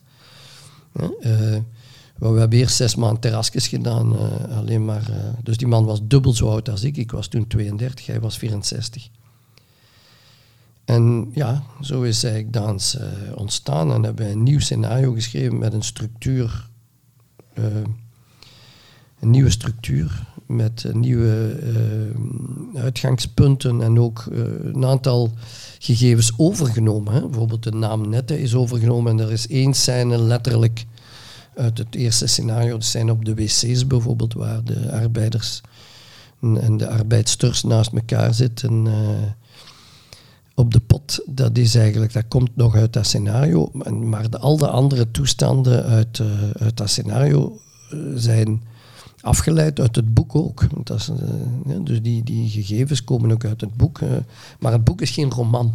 Het is een opsomming van verkiezingsuitslagen en hoofdstukken per jaar vanaf uh, 19, als ik me goed herinner, 1885 tot, tot 1900 en zoveel, tot nadat Daans gestorven is. Dan gaat eigenlijk overal over anekdotes binnen, de, binnen Aalst. en dan ben ik ook op mijn gevoel afgegaan. Puur op mijn gevoel van waar raakt mij. Uh, en ook hoe ik als kind keek naar, naar de politiek. Dat is de rol geworden van jongetje Jefke. Mijn love story, hoe zag ik Nette? Dat is de Nette geworden, gelijk ik. Een meisje waar ik verliefd op zou worden. Uh, dus uh, het is een, een, Romeo en Julia verhaal wat natuurlijk in veel films terugkomt. Maar ook om de politieke verhaal verteerbaar te maken. Ik had net twee comedies gedaan, dus om volledig ernstig te blijven, dat kan ik niet. Hè. Dus ik kan wel lang ernstig blijven, maar dan stopt het. Hè. Um, dus zelfs in de meest ernstige situaties, dan schiet ik soms toch in de lach door iets onnozels. En dat is bij Daans ook, vandaar anekdotes, gelijk een ring en zo verder in, in Daans. Uh, een anekdote die gekend is van de ringkussen, um, die ik er dan tussen gestopt heb.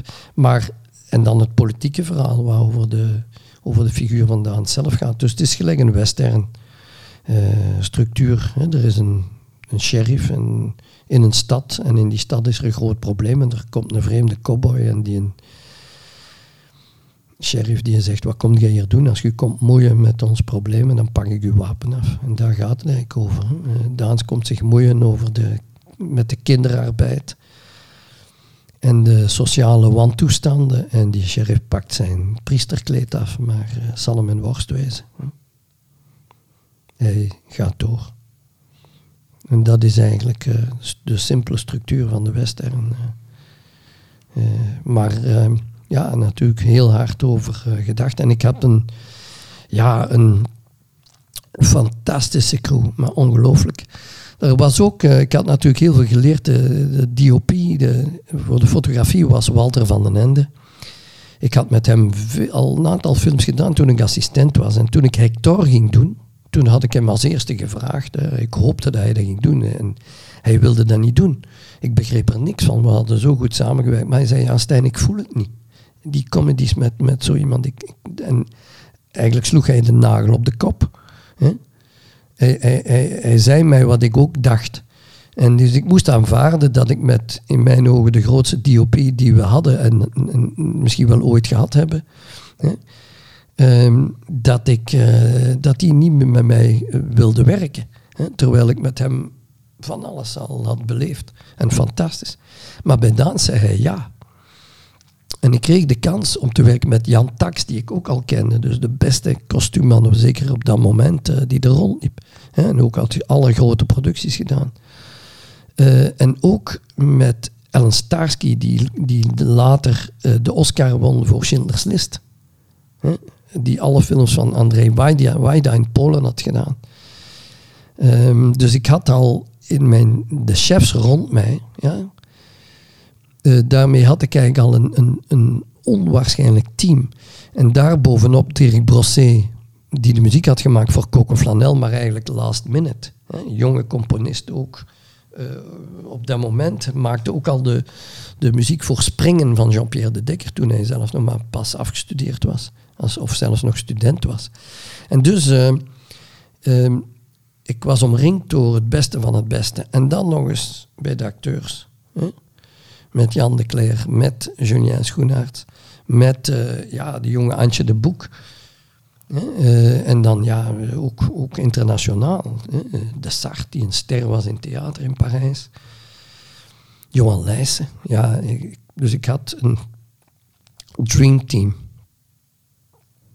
En ik was natuurlijk zeer gebeten om voor de eerste keer uh, uit de schaduw te gaan van iemand. En door het feit dat die twee comedies um, zoveel succes hadden gehad, was voor de publieke opinie en zeker voor, voor binnen de sector zoiets van ja, maar dat is niet moeilijk met urbane succes hebben. Um, uh, ja, dat is natuurlijk, die had al zoveel succes. Hè, maar toen gebeurde natuurlijk iets zeer raars, want ten eerste werd ik au serieus genomen omdat ik een heel ernstig onderwerp ging doen. Bovendien, het was een, een belangrijk en groot onderwerp, zeker omdat Robbe er al zo lang mee bezig was geweest. Uh, mensen zeiden mij letterlijk, ja Stijn, eindelijk worden nu regisseur, maar ja, dat succes, dat kun je wel vergeten, gelijk dat dat ging bij Hector en Coco Flanel. Maar ik, ja, ik deed gewoon wat ik voelde. En dus, wat gebeurde er? Uh, Urbain, die ondertussen bezig was met zijn derde comedy, hè, die begon mij al terug op te bellen voor advies of mijn mening te vragen.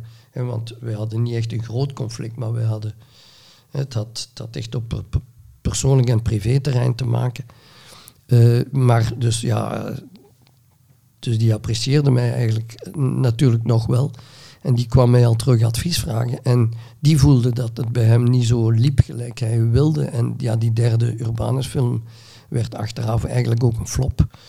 En ik deed bij Daans met mijn team wat ik dacht dat ik moest doen. Ja, en die film werd een succes. Uh, en niet alleen in België, maar ook internationaal. Dus, dus ik bereikte eigenlijk ja, wat, wat niet mogelijk bleek na die twee comedies wel. Uh, en de sleutel was, vanaf dan wist ik ook dat, ik was voor mij een bevestiging, dat, dus ik deed echt wat ik dacht dat ik moest doen. Maar ik had zoveel geleerd, onder andere van Walter van Nende, ook van, van de anderen rond mij, dat eigenlijk er heel weinig toeval was. Dus de emoties die ik voelde en die ik echt wilde, die, die kwamen er ook. Dus het was het was gestuurd. Hè. Dus, ik, dus ik, ik had het, ik ga niet zeggen 100%, maar ik, had het, ik voelde dat ik heel veel onder, uh, voor mijzelf onder controle had. En vanaf dan wist ik, kijk, dit laat ik nooit meer los. En pas later, als ik films heb, uh, ik heb uh, geen spijt van geen enkele film eigenlijk. Maar ik ben me natuurlijk wel gaan afvragen wanneer films minder succesrijk waren Hè, of wanneer ze minder echt aankwamen, hoe dat, dat kwam. En eigenlijk was de, het antwoord altijd hetzelfde, namelijk mijn gevoel niet gevolgd. Uh, mijn verantwoordelijkheid niet zelf durven opeisen. Uh, en niet uh, zelf koppig genoeg te zijn om te zeggen, doen wat je wilt. Ja, omdat natuurlijk de druk werd groter na dat succes, maar ja, er zijn ook andere dingen gebeurd in mijn leven, maar, maar ook, ja, niet alle onderwerpen zijn evident. Hè. En uh, dus ik heb, uh, dus het feit dat er later nog films zijn, zijn geweest die behoorlijk succesvol waren, zeker omdat de toestanden veranderden, heeft puur daarmee te maken. Volgen van het gevoel. Ja, als je kijkt naar naar uw films na Daans, komen er eigenlijk veel biografieën in terug? Is er een, daar een bepaalde reden dat dat meer bij u aansluit, dat je ja, naar die biopics grijpt? Of is dat een toevalligheid? Of? Dus het is puur toeval. Uh, dus ik, het is gelijk ik in het begin zei, kijk, ik, ik heb nooit gesolliciteerd, dus ik, ik ben eigenlijk altijd overrompeld door, uh, door vragen en aanbiedingen. En, en dan is het natuurlijk ook een kwestie van de juiste keuzes te maken. maar er waren heel veel andere elementen die meespeelden. Hè. Dus ik, na dans, of laten we zeggen, eigenlijk al tijdens sector was ik begonnen aan een van mijn projecten die dan later ook mijn grootste droomproject is geworden en nog altijd is, hè, namelijk Tijl En uh, tijdens de afwerking van, en tijdens zelfs de, als Daans klaar was, hè, was ik volop bezig met de voorbereiding van Tijl En ik zou eigenlijk in, dus Daans is in première gegaan uh, op het Festival van Venetië in 1992 in september. En is in oktober uitgekomen in Gent en vanaf dan begonnen. En in het voorjaar van 1993, in de lente, zou ik beginnen met de opnames van Tijl Uilenspiegel. Op dat moment nog veel groter. dus gefinancierd op dat moment voor 225 miljoen Belgische frank. Dus ik had tijdens Daans nog verder gewerkt aan nieuw projecten. Ik had ook geleerd dat regisseur niet moet wachten tot, en dan uit de lucht vallen dat het jaren kan duren. Dus ik wist wel dat het lang kon duren. Dus ik uh, was volop bezig met de cast en, en de voorbereiding van Huilenspiegel toen Daans uitkwam. Maar het was met de producent die de Leeuw van Vlaanderen had geproduceerd. En dus door het feit dat ik zoveel had meegemaakt tijdens de Leeuw van Vlaanderen samen met Hugo Claus en zoveel discussies had gehad met rond productie. En de, de Leeuw van Vlaanderen was ook een gigantische productie. Ik zag mij in een val trappen. Ehm, en ik geraakte gigantisch in paniek.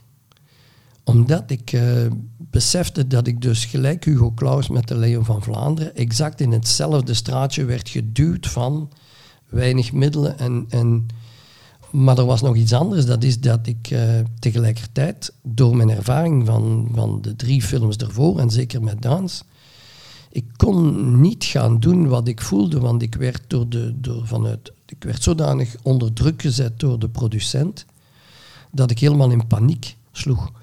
En terwijl ik eigenlijk uh, uh, bejubeld werd in de eerste reacties over dans, zat ik thuis wenend bij mijn ouders in paniek over uilenspiegel. Omdat ik voelde, intuïtief, dat dat een ramp zou worden. En ik had een contract getekend, de financiering was rond. En dus uh, ik heb contractbreuk gepleegd. Ik, uh, ik heb gezegd tegen de producent, ik doe het niet. En die zei, ja, dat is contractbreuk. Hè.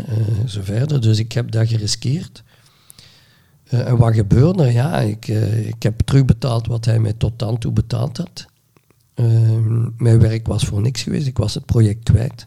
Hij ging, mijn collega's begonnen hij op te bellen om mij te, om mij te vervangen. Jean-Pierre de Dekker, Dominique de Rudderen. En iedereen zei nee. Omdat ze wisten dat ik dat wilde doen. Want ik was afgekomen met het idee ehm, en dat leidde tot een zeer rare situatie in 1993, want ik moest mij in februari 1993 gaan verantwoorden voor de filmcommissie. Waarom ik dat niet wilde doen. Want ik had eigenlijk al die ja's, zowel van de VRT als, iedereen, ik had al overal iedereen overtuigd en in één keer wilde ik dat niet meer doen. Maar toen was Daans genomineerd voor de Oscars. Dus ik moest me gaan verantwoorden en tegelijkertijd stonden ze klaar met champagne. Dus dat was, ik herinner mij, er stond iemand aan de deur met een, met een plateau uh, champagne. Dus dat, dat, dat, gevoel was heel dubbel. Dus wat is er dan gebeurd? Dat is dat, ik heb met die producent, Jan van Raamdonk, fantastisch, allez, passionele man.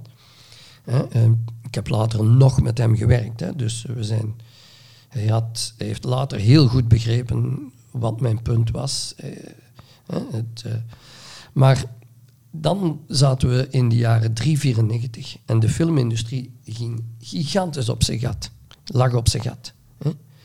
Eh, in België er was niemand nog geïnteresseerd in film. Buiten dat Daanse succes was, er eigenlijk gebeurde heel weinig. Hè. Een van de weinige opflakkeringen die jaren was Manneke Pis van Frank van Passel. Maar voor de rest was VTM gekomen. De politiek interesseerde zich niet in film. Die zagen opportuniteiten om, om in die nieuwe televisiekanalen alles te doen. De VRT zat te worstelen tegen de concurrentie van VTM. Um, film verhuisde van cultuur naar, naar media en economie. Dus film was zelfs geen departement meer van cultuur, dus dat viel in één keer onder een ander ministerie. En in een minimum van tijd werd het eigenlijk onmogelijk om in België nog films te maken. Hè? Waardoor dat Dominique de Rudder zijn eigen films ging proberen te produceren. Jaco van Dormaal ook, de Dardens, begonnen zelf films eh, te gaan produceren, want er was nul klimaat om nog iets te doen. Hè? Ik werd natuurlijk van, van mijn kant gevraagd om, ja, ook uit het buitenland. Dus ik heb, uh, ik heb veel vragen gekregen vanuit het buitenland. Ik had een agent gelijk, gelijk Adil en Bilal en gelijk later Michael Roskam en Dominique.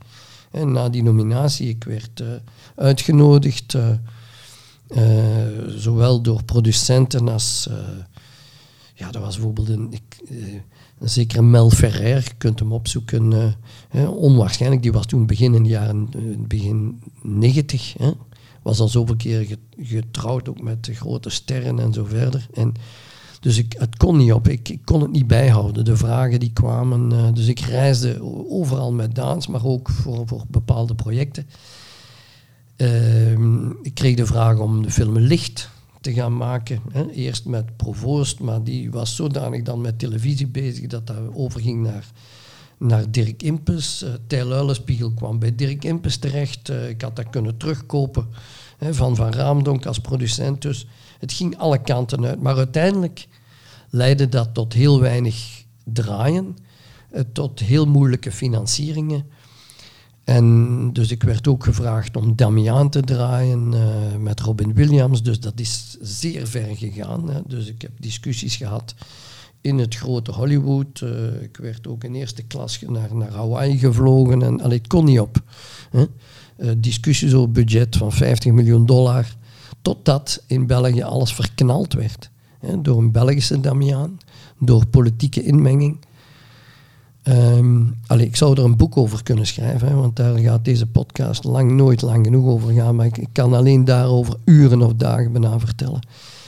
Uh, dus er gebeurden heel rare dingen. Dat maakt dat mijn volgende film Licht pas jaren, een aantal jaren later kwam. Dat alles veranderd was. En dat eigenlijk de Vlaamse film en vooral industrie, allez, economisch op zijn gat zat. En dat heeft dan geleid tot alles wat we eh, in de, in de, in de marge in elkaar begonnen te steken via een Vlaams Filminstituut, waar ik dan ook voorzitter van was geworden. Uh, en, en zo is eigenlijk de, zowel de takshelter als het FAF, het Vlaams Audiovisueel Fonds, daar is de basis gelegd in die periode om iets te doen om, om betere structuur te hebben om Vlaamse film te maken. En dat was in die moeilijke jaren 90, vanaf 394 tot, tot 99 eigenlijk, was een en al uh, chaos. Uh, en pas dan, als het, als het FAF en, en de taxshelter kansen begonnen te krijgen, dan was er hoop. Ik ga stilaan overgaan naar ons volgende item. Uh, en dat is Sector Talk, om het wat meer over de sector nu te hebben. Um, en daar mocht je opnieuw een uh, soort jingle voor inspreken. Als we het hebben over de sector van vandaag, ik zou zeggen, beste vrienden, uh, op 14 oktober is er in Gent op het filmfestival een dag van de filmsector. En we zullen vanaf dan tot meer dan binnen een jaar ons samen moeten bezinnen over waar we met deze sector naartoe willen, want er is werk aan de winkel, ook om onze regering of regeringen warm te maken, zo niet passioneel en enthousiast over een betere filmindustrie of audiovisuele industrie te krijgen voor de komende tien jaar. Ik koppel daar um, straks nog uitgebreider op terug. Ik ga het eerst terug iets um, algemener uh, of misschien specifiek dus wat de vraag, uh, hoe balanceert je je werk in de filmsector met zijn exuberante dagen en uren uh, met je privé? Hoe heb je daar zelf een balans in gevonden? Ja, tussen werk en privé is inderdaad een moeilijke balans. Hè? Maar het rare is, dus als je mijn films ziet en je ziet bijvoorbeeld Coco Flanel, dat gaat eigenlijk over Urbanus en over mijzelf. Hè? Namelijk, uh, ik moest dringend van de straat af geraken. Hè? Ik moest aan een lief geraken. Hè? Uh, daar gaat dat over. Hè? Uh, we hadden allebei astma. Um, en ook uh, mijn onderkaken waren niet gegroeid. Daarmee had ik mijn, mijn baard een tijdje laten groeien. Ik had mijn plasters laten opereren. Hij had ook een baard omdat zijn onderkaken uh, veel te klein was. Is die trouwens voor Coco ooit gaan uh, afscheren op mijn vraag. Maar daarvoor was hem vijf weken in de States, zodanig dat niemand, niemand hem hier zag rondlopen. maar wij hadden iets heel persoonlijks en wij, wij amuseerden ons ook heel goed. Wel, wij, maar dat had heel veel te maken met privé. Dus, de, dus Coco Flanel gaat eigenlijk over onszelf. Hè? Ik wil een lief. Hè? Eh, gelijk in Fellini. Hè? Eh, in de film Emmercourt. Ik wil een vrouw. Maar dat wil zeggen dat ik na dans eigenlijk zoveel bereikt had. Terwijl dat helemaal niet mijn ambitie was. Ik was al genomineerd voor de Oscars. Ik wist zelfs niet dat ik regisseur ging worden, want ik wilde graag in een filmploeg werken. Maar ik had helemaal, ik dacht dat ik eigenlijk belichting ging doen in een cultureel centrum in het dorp bij ons in Neerpelt, waar ik mij ook mee goed mee voelde met die belichting en, en kleuren. En dus ik was eigenlijk zodanig ver geraakt, dat eigenlijk het enige wat ik, wat ik, ik had dat wel ik, uh, vriendinnen gehad, dus dat was eigenlijk niet het punt, maar, ik, maar relationeel um, stond ik niet op het punt waar ik eigenlijk wilde zijn, namelijk de liefde van mijn leven. En eigenlijk na dans, letterlijk, had ik zoiets van, kijk, wat kan ik nu nog bereiken? Een Oscar. So what? Wat maakt u daar gelukkig mee? Namelijk niets. Ja, vier kunnen, dan kunt daar blij mee zijn. Kunt vier, dan kunt zeggen, wow. Worden daar gelukkig van? Nee. Dus ik wilde gewoon gelukkig zijn. Dat is het enige. Mijn droom was niet van Oscars winnen. Dus Goed, ik was al zover, dus, dus dat was waar, waar het over ging. Voor mij in mijn hoofd. Vandaar dat die privé zeer belangrijk was. maar dus ik heb ook effectief een, uh, uh, mijn vrouw, een fantastische madame, nog altijd, uh, gevonden. niet zomaar, hè. dus het heeft nog een aantal jaren geduurd.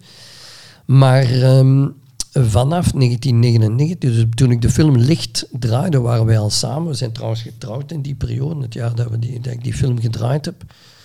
Um, maar um, ja, dan hebben wij ook eh, vier kinderen gekregen. En de eerste, uh, Tanneken, is geboren in 1998. Uh, eh, in de buurt van de première van Licht, denk ik. Maar dan onze tweede, onze zoon, de tweede, die, die is geboren in 1999 en die was doof. Die is doof geboren.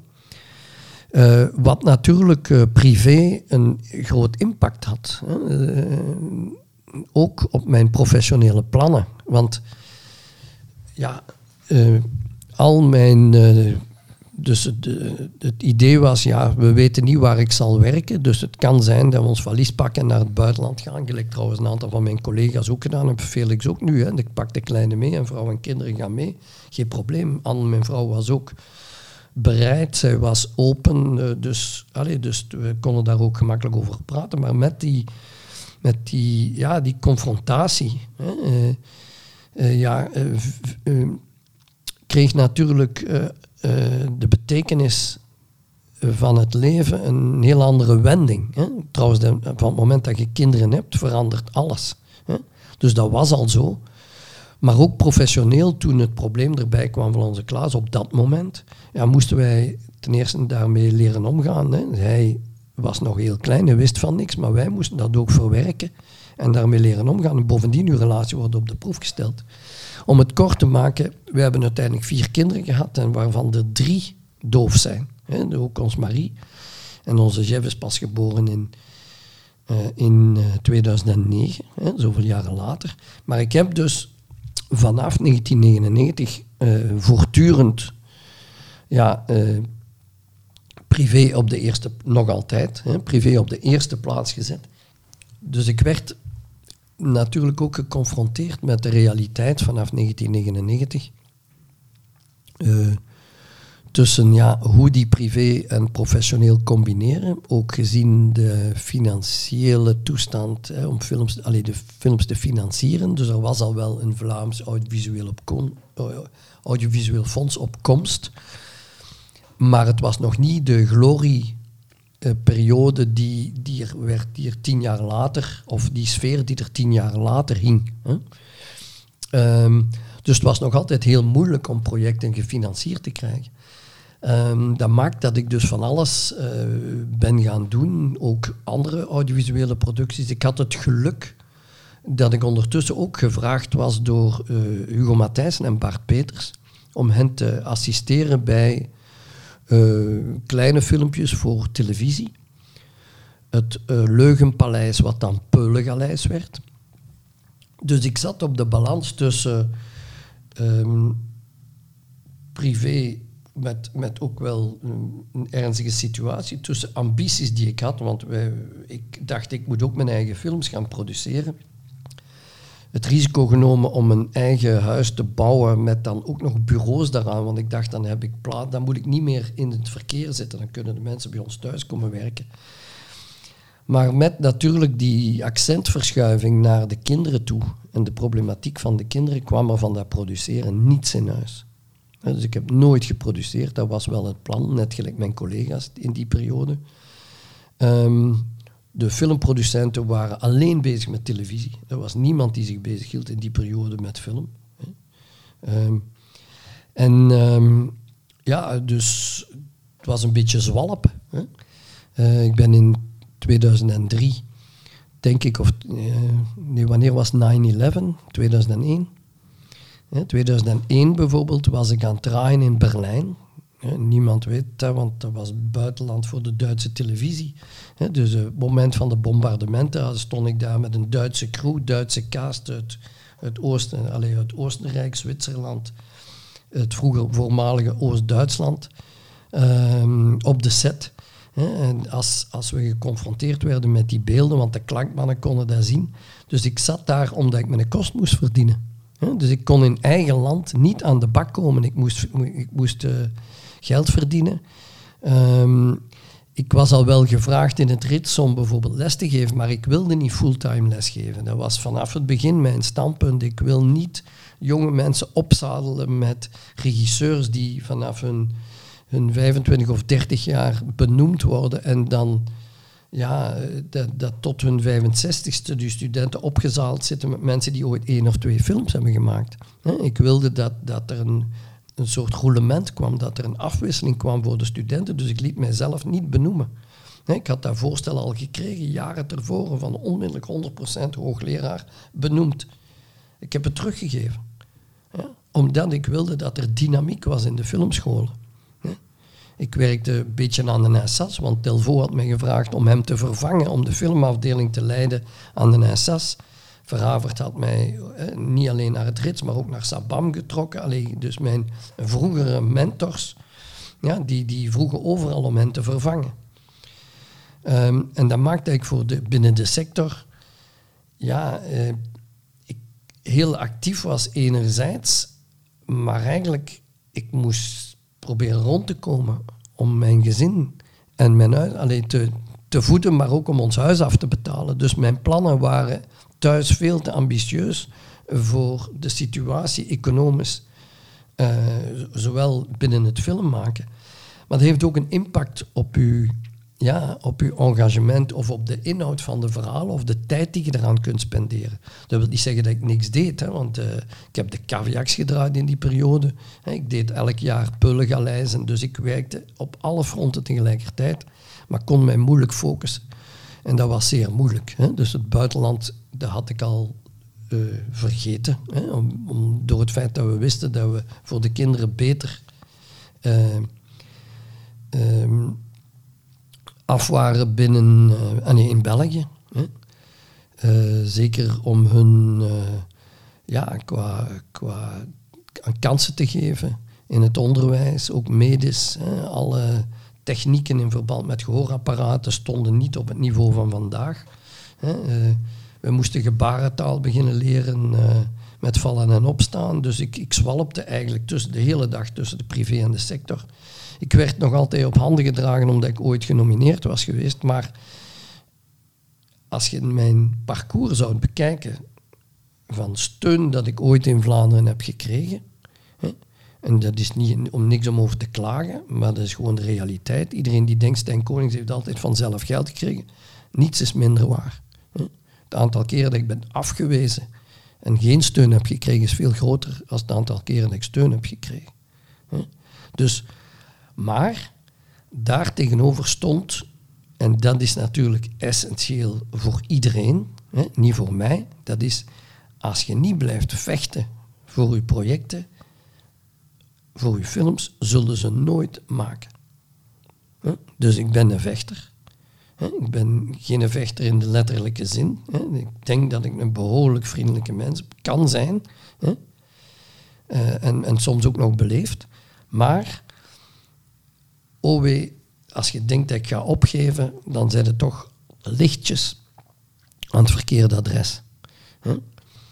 En dat maakt dat, dat ik eigenlijk wel veel projecten heb doorgezet, die, die, eigenlijk ook, uh, ja, die ik eigenlijk wilde doen, maar die dikwijls ook geen... Allez, ofwel werden stopgezet, neem Sursorier. Daar werd ik voor gevraagd in de jaren 90. Dan zei ik, ga dat niet doen. Tien jaar later kwam dat terug bij mij. By the way, door Jan van Raam, met wie ik vroeger hè, uh, discussie had gehad over, over Tijl maar die mij toch enorm apprecieerde. Ehm, en dat was wederzijds. Dus uh, Van Raamdonk uh, trok mij over de streep na tien jaar dat, om toch Sursorier te doen.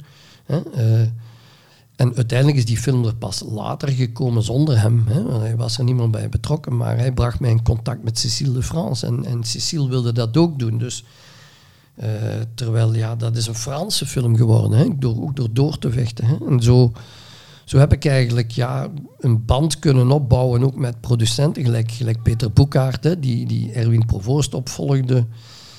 Um, dus ja, het was ook dikwijls een kwestie van samen te overleggen. Met, zowel met Provoost als met Drouot, met wie we eigenlijk alles mee hadden gemaakt. Met onze Franstalige vrienden, met de gebroeders Dardenne, die mee vochten voor de taxshelter met Jaco van Dormaal, met wie, ik, ook altijd in contact ben gebleven. Dus we zijn eigenlijk binnen de sector altijd blijven overleggen en tot op de dag van vandaag om mekaars mening ehm, naar mekaars mening te luisteren om te zien wat kunnen we, wat moet er nu gebeuren, want de tijden veranderen en zo verder. Dus het is altijd een zoeken geweest tussen hoe creëren we kansen uh, voor, voor iedereen, voor onszelf, maar ook voor alle anderen en de volgende generaties. En dat is vandaag uh, nog opnieuw en volledig aan de orde. Dus het is eigenlijk op dit moment vergelijkbaar met eind van de jaren 90, als je naar mij vraagt. dus de euforie die er ooit is geweest, rond, rond misschien tien, dikke tien jaar geleden, over alles gaat goed met de Vlaamse film. Dan zeg ik, pas op, hè. er is heel veel talent, heel veel. Uh, maar dat is dankzij dat individueel talent dat we denken dat het goed gaat. Maar gaat het goed met de Vlaamse film qua industrie? Nee. Hè. Dus er is werk aan de winkel. En dat is. En de privé. Ja, verandert natuurlijk. Mijn kinderen zijn ondertussen ouder. Hè. Uh, ze doen het uh, heel goed. en dus, ik, ik, ja, dus er komen nieuwe de accenten verleggen. Hè. En nu, nu dat ik uh, niet meer actief ben in de filmscholen uh, en nu ik met pensioen ben, nu heb ik zoiets van, hmm, Oscar winnen, waarom niet? Ik ga nog even inpikken op, um, we hebben over privé-relaties gehad, maar dan relaties op set. Ik kijk dan, ik ga er nu eentje uitpikken, de relatie met de DOP. Kunnen daar iets over vertellen, hoe dat, dat bij u meestal verloopt of gaat? Of, uh... Ja. Ik heb als assistent heel vlug ervaren dat de relatie tussen regisseur en een DOP uh, gigantisch belangrijk is. Hè. Uh, natuurlijk gaat dat, uh, geldt dat voor de voorbereiding en de draaiperiode, ook achteraf, maar vooral in die twee periodes. Maar dat is natuurlijk een heel lange tijd, een belangrijke tijd van het hele proces. Hè. ik had al te veel conflicten gezien op sets eh, door misverstanden of door het niet dezelfde taal spreken tussen een DOP en een regisseur. Hè. Eh, of door ego's. Ja. Eh, of door de stress eh, productioneel, waardoor dat er spanningen gecreëerd worden tussen DOP en regisseur van buitenuit. Dus een producent die, die druk zet op beiden en waardoor het moeilijk wordt. Dus, ehm, maar ook artistiek. Ehm, en persoonlijk is het een kwestie van uh, ook te beseffen dat, een, dat er langs twee kanten gecast wordt. Hè. Dus het lijkt soms dat een regisseur de enige is die een casting doet. Maar uh, het zijn allemaal zeer artistieke functies. Hè. DOP is een zeer belangrijke artiest. Hè. Is geen technieker, maar een zeer belangrijke artiest in een crew. Met een, en zijn meestal mensen daardoor ook met een zeer sterke persoonlijkheid. En het is essentieel natuurlijk dat, dat het klikt op ten eerste persoonlijk vlak. Hè, dat je qua karakters met elkaar, dat er wederzijds respect is. Dat vanaf het begin duidelijk is dat we over hetzelfde verhaal spreken. Ja. Uh, en dat de, de visie op dat verhaal ook, dat daar de neuzen in dezelfde richting gaan. Hè. Hoe dat dan daarna, uh, hoe ver dat iets technisch moet voorbereid worden, dat is een afspraak. Want ooit dacht ik ook dat daar systemen en theorieën over waren, maar ik heb over waren en dat dat nodig was, maar ik heb door veel te kunnen draaien en veel meegemaakt te hebben, mijn visies ook altijd bijgestuurd en bijgesteld. En ook wat ik vertelde aan de studenten is in de loop van de jaren altijd bijgestuurd. Ik zou nu niet meer hetzelfde exact zeggen als, als uh, eh, 25 jaar geleden. Ik denk dat dat ook maar goed is. Dat is ook de reden waarom het zo belangrijk is dat studenten te maken hebben met mensen die dagdagelijks of toch nog hè, actueel op zet staan en niet met verhalen komen gelijk van hoe het 20 of 30 jaar geleden was. Um, maar het is ook een evolutie. Um, dus die dus die, die, het aanvoelen en de neuzen in dezelfde richting hebben, is eigenlijk voor het hele team zo. Ook voor de hele cast van acteurs en actrices. Hè. Dus dat is iets wat je met iedereen moet doen. Maar een DOP is zo belangrijk. Um, waarom? Omdat je hebt het, het visuele en de audio. Maar dat wil zeggen dat de DOP eigenlijk ook naast de regisseur de verantwoordelijkheid mee heeft over alles wat visueel is. Dus dat, dat gaat niet alleen over het licht, maar dat gaat ook over de decors. Omdat het licht afhangt ja, uh, ook van de decors en de omstandigheden. Maar hetzelfde met de kostuums. Ja, dus er moet een dialoog zijn hè, tussen regisseur en iedereen, maar ook tussen de DOP en iedereen ja, die visueel ergens erbij te pas komt. Maar ook met al de rest, want ja, de samenwerking met de audio is gigantisch belangrijk. Moet u niet geen tekening bijmaken dat als er licht staat en er vallen schaduwen. Hè, dus dat je eigenlijk moet zorgen dat een DOP goed overeenkomt ook met de, met de mensen van de audio. Dus het, het samenstellen van uw crew is gigantisch belangrijk. Dus op een set um, is de eerste functie ik spreek over de set, want de monteur en de, die, en de componist zijn ook gigantisch belangrijke uh, functies. Iedereen is belangrijk, hè, maar in de volgorde, ja, niet de cast zelf van de acteurs, is een, is een DOP de eerste hè, die eigenlijk mee moet vastliggen, samen met de production designer. Hè, omdat de twee gaan samen. Ja, um, en, en, en ja, moeten ook heel goed met elkaar overeenkomen. Ja. Dus dit, en het is belangrijk dat die DOP u ook zelf cast. Dus vroeger was het zo dat de regisseur kon kiezen, maar onze DOP's zijn zodanig van een hoog niveau en zodanig grote artiesten ook. Hetzelfde met acteurs. Dus zij moeten. Het is niet dat wij zeggen, ah, ik wil u. En dat zij dan zeggen, dank u wel. Nee, nee, nee, nee. Je moet zeker zijn dat die DOP's ook met u willen werken. Dus je moet ook de vraag stellen en dikwijls moet ook hopen dat ze ja zeggen. Het is niet evident. En dat besef is heel belangrijk, waardoor de, dus dat wederzijds respect.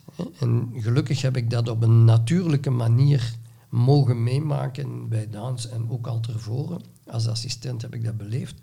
Maar dat is dat, dat je als regisseur heel goed moet weten.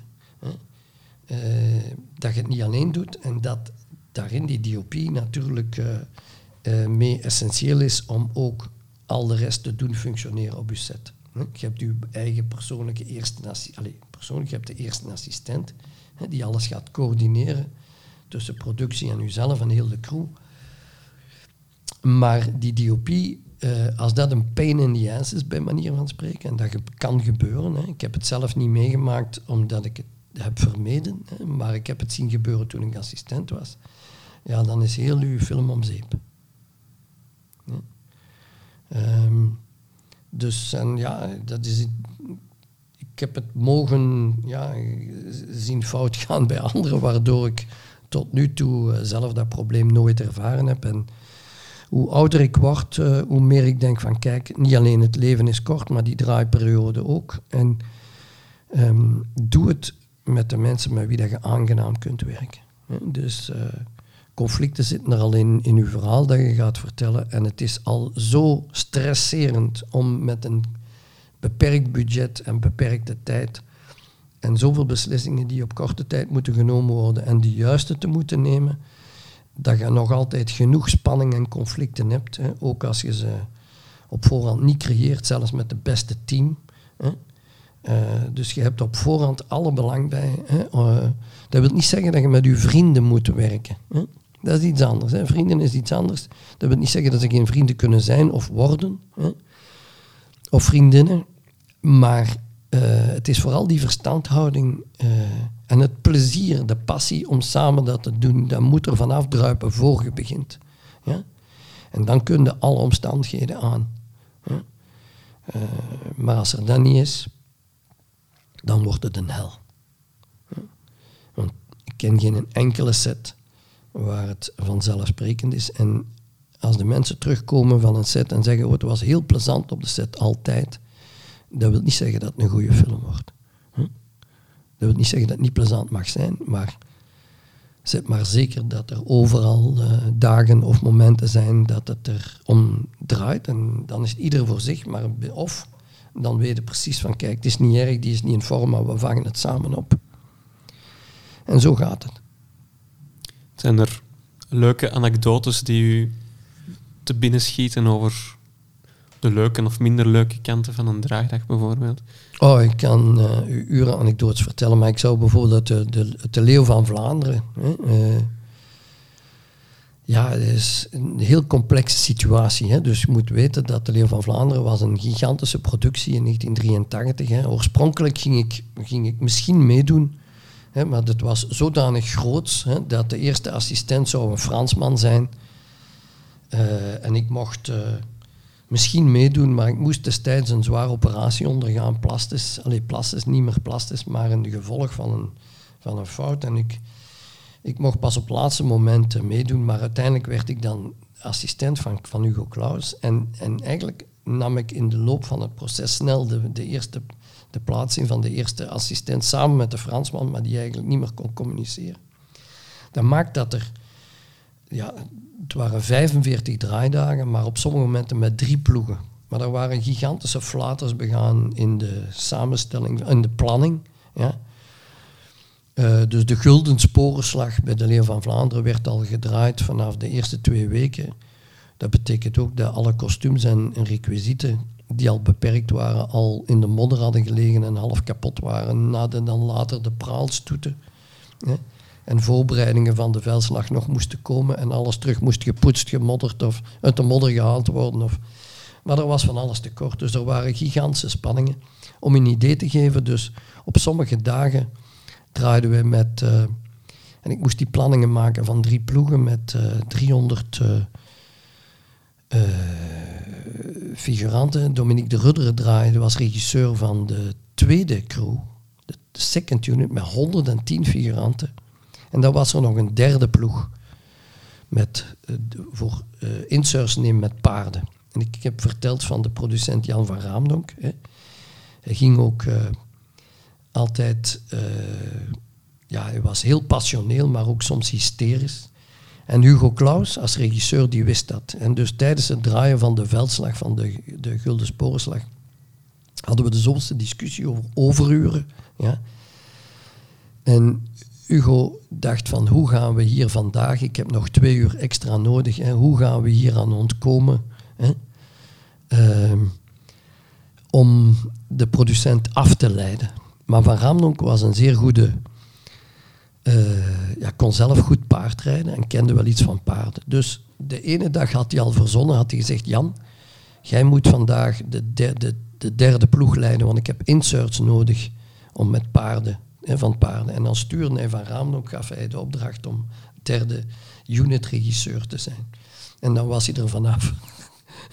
en op een andere dag, het was al zes uur s'avonds en we moesten eigenlijk stoppen. En hij zei, iets voor, voor half zes stond Van Raam nog al klaar. Hij zegt, Stijn, laat hem eens komen. En roept hem eens en zegt dat ik hem dringend nodig heb. Ik zeg, Jan, Hugo heeft u dringend nodig. Hij zei, Jan, jij kunt... Uh, goed paardrijden. Ik heb een ruiter nodig. We hebben een figurant die niet is komen opdagen. En ik heb iemand nodig, een ridder. Ja? Want zelfs gaat de zwarte koningin in het verhaal. Die moet hier, die vlucht. Ja? En er is een ridder die erachteraan gaat. Hè? En ik heb niemand niet meer. Zou jij dat willen spelen? Hè? Tuurlijk, Hugo. Hè? Uh, alles voor de film. Goed wetende dat dat nog minstens een uur zou duren eer dat hij in een maliënkolder zou zitten. Want hij was al vooraan in de 70, hè, moet je niet vergeten, dus de producent. Hè. Uh, maar ondertussen konden wij verder draaien. Er werd er niet over overuur gesproken. dus een uur later kwam Van Raam ook heel zenuwachtig te paard. Hugo, wat moet ik doen? dan zei ik, kijk Jan, eh, de zwarte gele koningin is al vertrokken en wel gedraaid. En die ridder die gaat erachteraan, die blijft van rijden. Hè. Ik, als ik actie zeg, dan rijd er altijd maar rechtdoor. En dan deed hij alsof dat we gingen draaien. Dan stuurde hij van raam ook weg liet hij heel ver weg paardrijden. Kon ondertussen weer verder draaien. En het conflict tussen die twee over overuren ging altijd maar verder. Op een dag draaiden we een gigantische scène. Uh, het was overpland in Damme, in het stadhuis. En we begonnen s morgens op de zolder en we zouden s'avonds eindigen in de kelder, waar we dan zogezegd het kasteel van Compiègne draaiden. En we begonnen met een vergadering van de edelen op de zolder en dan een scène in bad tussen de koningin van Frankrijk en de hofdame. En er was een actrice, Josine van Dalsem. En de hofdame, Cathy, ik weet niet meer hoe dat is, maar in ieder geval een uh, jonge Vlaamse actrice. En die zaten in een blote flikker in bad. En rond de middag, in het stadhuis van Damme, kwam Van Raamdonk als producent, liet mij roepen op de set.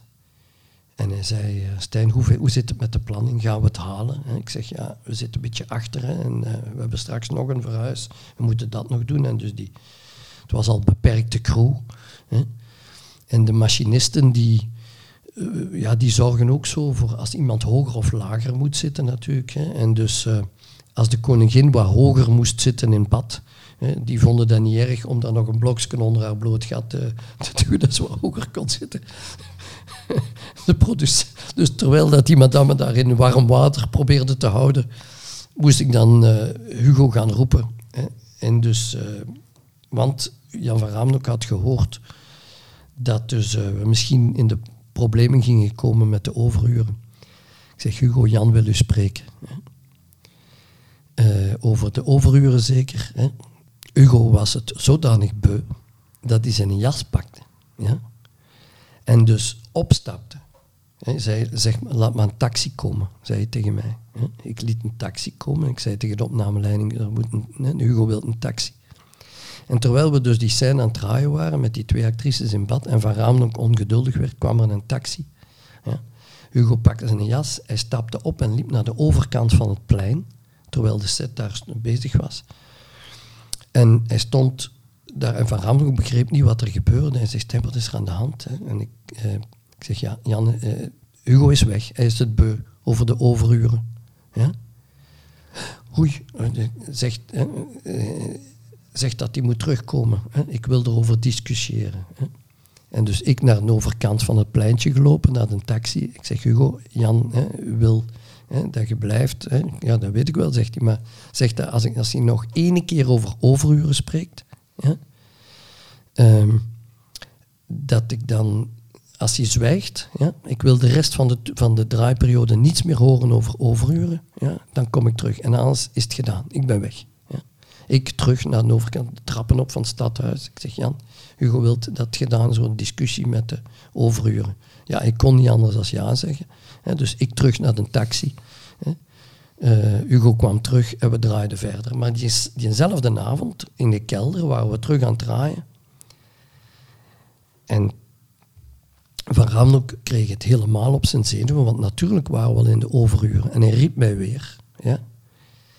En hij zegt, ja, maar we zitten al in de overuren. Oké, ik ga daar niks van zeggen, maar en, en, waarom heb jij dit niet gedaan en, en dat niet? Hè? En je had dat kunnen vermijden. En dus ik kreeg naar mijn voeten van hem. En dus alles kreeg, kwam op mij terecht als assistent. En dus, ik werd zodanig onder druk gezet dat ik in één keer begon te huilen. Ik had het al weken volgehouden. Ik, ik moest die drie crews onder controle houden al. En met alle miserie die er was en alle geruzie en discussie. En het werd mij te veel en ik liep weg. Ik was aan het wenen. En Klaus had gezien dat er iets gebeurd was. En ging naar Van Raamdonk. En dus toen kwam hij mij achterna. Toen zei hij, wat is er aan de hand? Ik vertelde hem dat. En toen zei hij tegen Van Raamdonk, kijk, jij gaat nu je excuses aanbieden. Hè? Onmiddellijk, of ik ben weg. En wij allemaal. En kwam Van Raamdonk bij mij zijn excuses aanbieden. En ik terug op de set. Sander een dag, middags, bij het eten, allemaal een glas champagne. Dat was de Leeuw van Vlaanderen. Zo ging dat. Ik denk dat we nog een tweede aflevering gaan kunnen vullen met alleen maar anekdotes. Ja, ja, ja. Ehm, ik ga even uh, van het verleden nu naar de toekomst Mhm. kijken. Vragen wat uw tips of uw aanmoediging zou zijn voor, uh, voor mensen die aan de filmschool willen starten of in de filmsector willen starten. Goh, kijk, uh, ik kan alleen maar zeggen dat films maken misschien een van de mooiste beroepen is die er, die er is, maar het is keihard. Het is keihard, omdat uh, er valt nooit een zak geld uit de lucht. Het is een kwestie van vol te houden en vooral van, van echt de passie te hebben en te voelen dat je echt iets wilt vertellen. Um, in de filmwereld geraken is niet moeilijk. Is echt niet moeilijk. Maar erin blijven is heel moeilijk. Um, juist daarom, omdat het... Uh, ten eerste zijn er heel veel mensen die, die dat graag willen doen. Um, je kunt misschien wel starten met een lange arm, maar dat blijft nooit duren.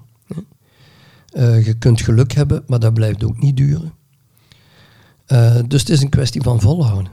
Ja? En vooral uh, van ook realistisch te zijn. Dus dat wil zeggen, je moet u van bewust zijn dat het een teamwork is, ja? dat het geld kost en dat er een publiek is. Van het moment dat je alleen maar denkt van kijk, ik doe juist wat ik goesting in heb uh, en het publiek kan me geen fluit schelen, wel, dan zijn dat het verkeerde adres volgens mij. Dus ik wil geen reclame maken voor commerciële films, daar gaat het niet over. Maar het is niet zo dat je uh, zeker niet kunt starten met iets uh, van, zeg, kijk, ik ga hier gewoon mijn ding doen. Ja? Als je echt een gigantisch goede auteur bent en kunstfilm kunt maken, dan zal dat altijd komen. Ja? En dan zal daar een publiek voor zijn. En dan zal dat geapprecieerd worden, vroeg of laat. En dan kun je dat zeker maken. Maar als je ervan uitgaat dat uh, uh, iedereen zit te wachten op je films, dat is ook een vergissing. Hè? Dus het is een kwestie van zeer goed na te denken. Hè? Eerst denken en dan doen. En daar blijf ik bij. Hè? En bovendien, er is geen uh, recept voor, omdat het zodanig individueel kan zijn. Hè? Er zijn natuurlijk formules en er zijn bepaalde commerciële formules, zowel voor scenario schrijven als voor genres. En er is een groot professionalisme waardoor dat je kunt zeggen, kijk, in die grootkeuken van, van bepaalde series, van misdaadseries, waarbij dat je de ingrediënten hebt van dat is het conflict, dat is uh, de constructie van het scenario met zoveel procent van dit, dat is de aantrekkelijke kant, hè, zowel in, in de spanning als in de erotiek en zo verder. Wel, dan gaat je altijd een bepaald publiek bereiken. Uh, en met bepaalde conflicten, bepaalde misdaad, uh, series zal er altijd wel een publiek zijn. Maar van het moment dat je zegt, kijk, ik ga de persoonlijke tour op, Hè? Of ik ga alleen eens doen waar ik goesting in heb. Wel, je gaat toch moeten dealen met wat er leeft in de wereld, wat er gebeurt in de wereld. En ook hoe het er in de toekomst, wie dat er kijkt. Hè? Wie zijn de mensen van vandaag? Hè? Dus een, een historische film maken heeft alleen maar zin als de mensen van vandaag daar iets aan hebben puur om het te registreren is totaal zinloos. Om dan misschien om die toekomst in te pikken, had ik daar nog wel wat vragen over, maar ik denk dat we daarvoor misschien best naar, ineens naar de spotlight overgaan. Um, en de spotlight is dat mijn gast iets voorbrengt, een verborgen talent of een tekst. Um, en Stijn, je hebt iets mee dat kadert in de toekomst van de sector, denk ik. Hè? Ik heb uh, twee dingen mee. Het eerste is een tekst die ik uh, vorig jaar geschreven heb in toen, de, ja, toen we volop nog in uh, covid-crisis zaten. Um, en die te maken heeft met cultuur. En natuurlijk is film een van de ja, belangrijke communicaties ondertussen al, al meer dan een eeuw. Uh, wanneer het gaat over alles wat er leeft in de maatschappij. Hè? Dus los van de, van de kunstvorm en van de economische vorm is er ook een soort van ja, een, belangrijke overdracht van gevoelens, van zowel historisch, maar ook naar de toekomst toe. Hè? En ook uh, waar accenten liggen of waar niet. En ik vond dat, uh, en ik vind dat nog altijd, dat op het moment dat dat er een wereldcrisis was, gelijk COVID-19 of, of nu in de oorlogsfase met, met Oekraïne. Um, en dat het bittere ernst is over gasprijzen en, en, en elektriciteitsfacturen. En, en, um, en dat iedereen zit te denken over, ja, hè, dat zijn de ernstige dingen. Ja, dan krijgen we een, altijd een reflex van, ja, die kunstenaars en die, die mannen die films maken en muziek en dat is allemaal als het leuk is en als we tijd en geld hebben, maar dat is niet belangrijk. Wel, ik heb daar een andere mening over en daar gaat die tekst eigenlijk over. Dus ik heb die geschreven in uh, mei vorig jaar, in mei 2021. Maar hij blijft voor mij uh, actueel wat de essentie betreft. Dus die wil ik even voorlezen. Ja. Wat is er nog belangrijker in het leven dan een goede gezondheid? Of is er nog een groter verlangen? De liefde, een mooi huis, heerlijk eten, een lekker glas wijn, hemelse muziek, de pracht van de natuur, onbereikbare schoonheid in perfecte harmonie, eenvoud, vriendschap of alles. Gelukkig zijn. Och, als we maar gezond zijn. Maar wat is dan eigenlijk ons grootste probleem?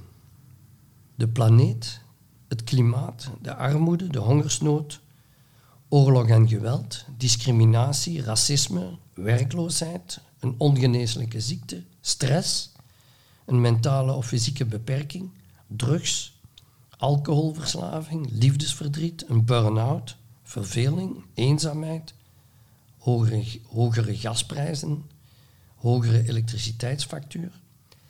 Nee, na een medische alarmkreet over de hele wereld en afgaande op de aandacht in de media en van de politici, is er na het voorbije jaar geen twijfel COVID-19. Geen paniek. Als we dat nu onder controle krijgen, kan het leven weer worden zoals het was. Er is gelukkig een vaccin, er zijn beschermende maatregelen en als we solidair zijn en rekening houden met elkaar, komt alles goed. Het hangt er natuurlijk vanaf hoe oud je bent, wat je doet, waar je woont, wie je bent of hoeveel geld je hebt. Je kan geluk hebben of pech. Corona is als de pest. Maar ik heb de pest. Ik heb de pest gekregen van de overdosis dramatische aandacht, de nutteloze doordrammende vragen, onmogelijke antwoorden, cijfers en voorspellingen. Ik word zeeziek van de golven en curves, het openen en sluiten van winkels en terrassen. Ik word nog zieker van het gekibbel over prioriteiten, de chantage in de beslissingen, de haantjesdrang, het grote gelijk. Met gelijk hebben ben je niets in het leven. Over één zaak is en blijft iedereen het eens. Het laatste wat wij nodig hebben is cultuur. Ik stop met ademen. Onbegrip. Ik vlucht, loop weg, zo hard en ver ik kan. En zoek troost in de Matthäus-passie van Bach. Ik probeer het te begrijpen. Alleen kalmte en spuitwater kan ons redden. Ik bel mijn moeder, 91. Ik wil haar horen, want ik weet wat ze zal antwoorden als ik vraag hoe het met haar is. Prima, jong. Wat hebben we het goed? Ik bel mijn oudste dochter. Ik wil weten hoe het met haar gaat. Goed, papi, antwoordt ze. Oef. Ik ben blij. Nee, ze heeft geen corona gehad, maar ik weet wat ze mist. Ook mijn drie andere kinderen. Inderdaad, we hebben het goed. Deze week verbleef ik wegens een vroege en lange filmopname de hele week in Brussel, Sint-Gilles. Dinsdagavond na de filmopname ging ik naar de dichtstbijzijnde Carrefour.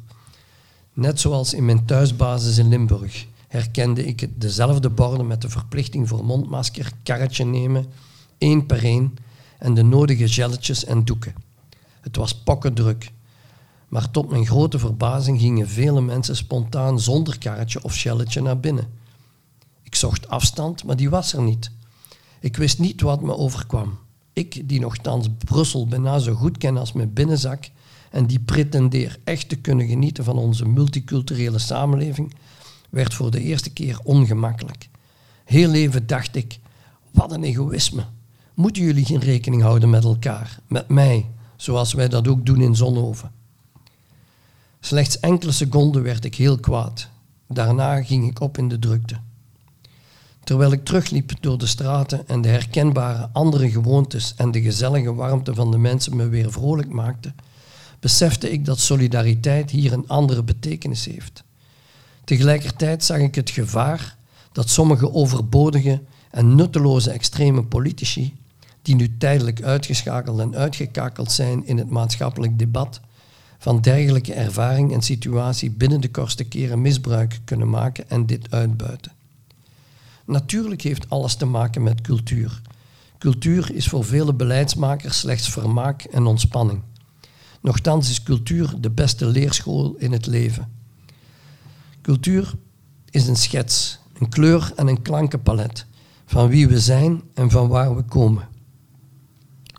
Een symfonie van onze ziel, een letterballet van wat we denken, hoe we ons kleden, hoe we ons gedragen, wat we graag eten en drinken, hoe we omgaan met wat we hebben. Cultuur is de schatkist van het volk. Je kan of wil erin grabbelen, ermee naar buiten komen, dansen en muziek maken, je gedachten laten rennen en je vrijheid uitschreeuwen. Het haalt je uit de eenzaamheid, doet je bewegen en geeft energie. Het opent je geest wisselt en verwisselt ideeën, laat je begrijpen, brengt je bij elkaar, geeft je een echt gevoel.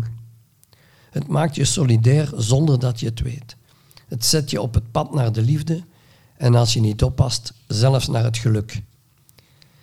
En dat is wat je nodig hebt, waar je naar snakt als het even niet goed gaat, als je ziek bent of als je te hard hebt gewerkt.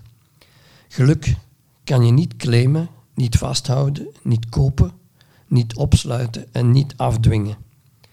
Geluk zoeken is een ambitie. Het is hoog gegrepen, maar er is een toegangscode bestaande uit twaalf letters. Tevredenheid. Dat is de trampoline om te kunnen springen en het geluk te grijpen, ervan te genieten en het even te koesteren. Je kan het niet houden en het is niet van jou alleen. Als iedereen tevreden zou zijn, zouden we gelukkig kunnen delen. Of zouden we geluk kunnen delen. Om de planeet, het klimaat, de armoede, de hongersnood, oorlog en geweld, discriminatie, racisme, werkloosheid, stress, drugs- en alcoholverslaving, burn-outs of wat dan ook aan te pakken, moeten we eerst delen zodat we allemaal tevreden kunnen zijn. En dat lukt alleen met mensen die zich goed voelen en elkaar begrijpen en waarderen, die onbevooroordeeld solidair zijn. In bittere ernst, in een crisis of de pijn van het leven, is cultuur daarom dikwijls de beste EHBO-kist. Ik zou ze maar snel openen. De mentale schade is enorm. Corona lost zich wel op. En bij deze denk ik dat het vandaag met de gas en elektriciteit hetzelfde is. Hè. Dus uh, je moet eens proberen een discussie te voeren over uh, filmprojecten de dag van vandaag. Daar worden meteen weggelachen. Want het is nu de gas en de elektriciteit die natuurlijk het belangrijkste is voor de mensen, met alle begrip. Maar natuurlijk, uh, als cultuur meer aandacht zou krijgen, dan was Oekraïne beperkt. En dan zouden we niet met zouden idioten gelijk Poetin geen kans krijgen. Als de mensen zich meer bewust waren van al de rest. En dan zaten we niet met die prijzen. Dat is de sleutel. Ik koppel daar misschien nog één vraag aan, Stijn. Je hebt een groot engagement naar de sector toe. Ik kijk dan naar de Unie van de Regisseurs en overkoepelende instanties. Maar je hebt ook een groot sociaal-cultureel engagement. Wat vind je daar zelf dus de functie van als regisseur om dat breder engagement aan te gaan? Voor mij persoonlijk is er maar één ding wat telt. Dat is dat ik het, voor mijzelf het gevoel moet hebben dat als ik een film maak, dat het de moeite is om mijn tijd en energie en, en ja, ehm, daarin te steken en de emoties. Hè, want dat vraagt heel veel. Hè, als je het goed wilt doen. Het vraagt uh, heel veel tijd. En het moet gewoon de moeite zijn. En natuurlijk, wat dat inhoudt, de moeite zijn, dat denk ik dat ieder persoonlijk voor zichzelf moet uitmaken. Dus ik vind niet dat iedereen sociale motivaties moet hebben of wat dan ook. Uh, je moet geen films maken telkens met het idee van ik, als ik de wereld niet kan redden, is mijn film zinloos. Dat vind ik niet. Hè. Uh, mensen doen lachen is een gigantische kunst. Hè. Uh, dus je kunt met de grootste nonsens ook heel zinvolle dingen doen. Hè.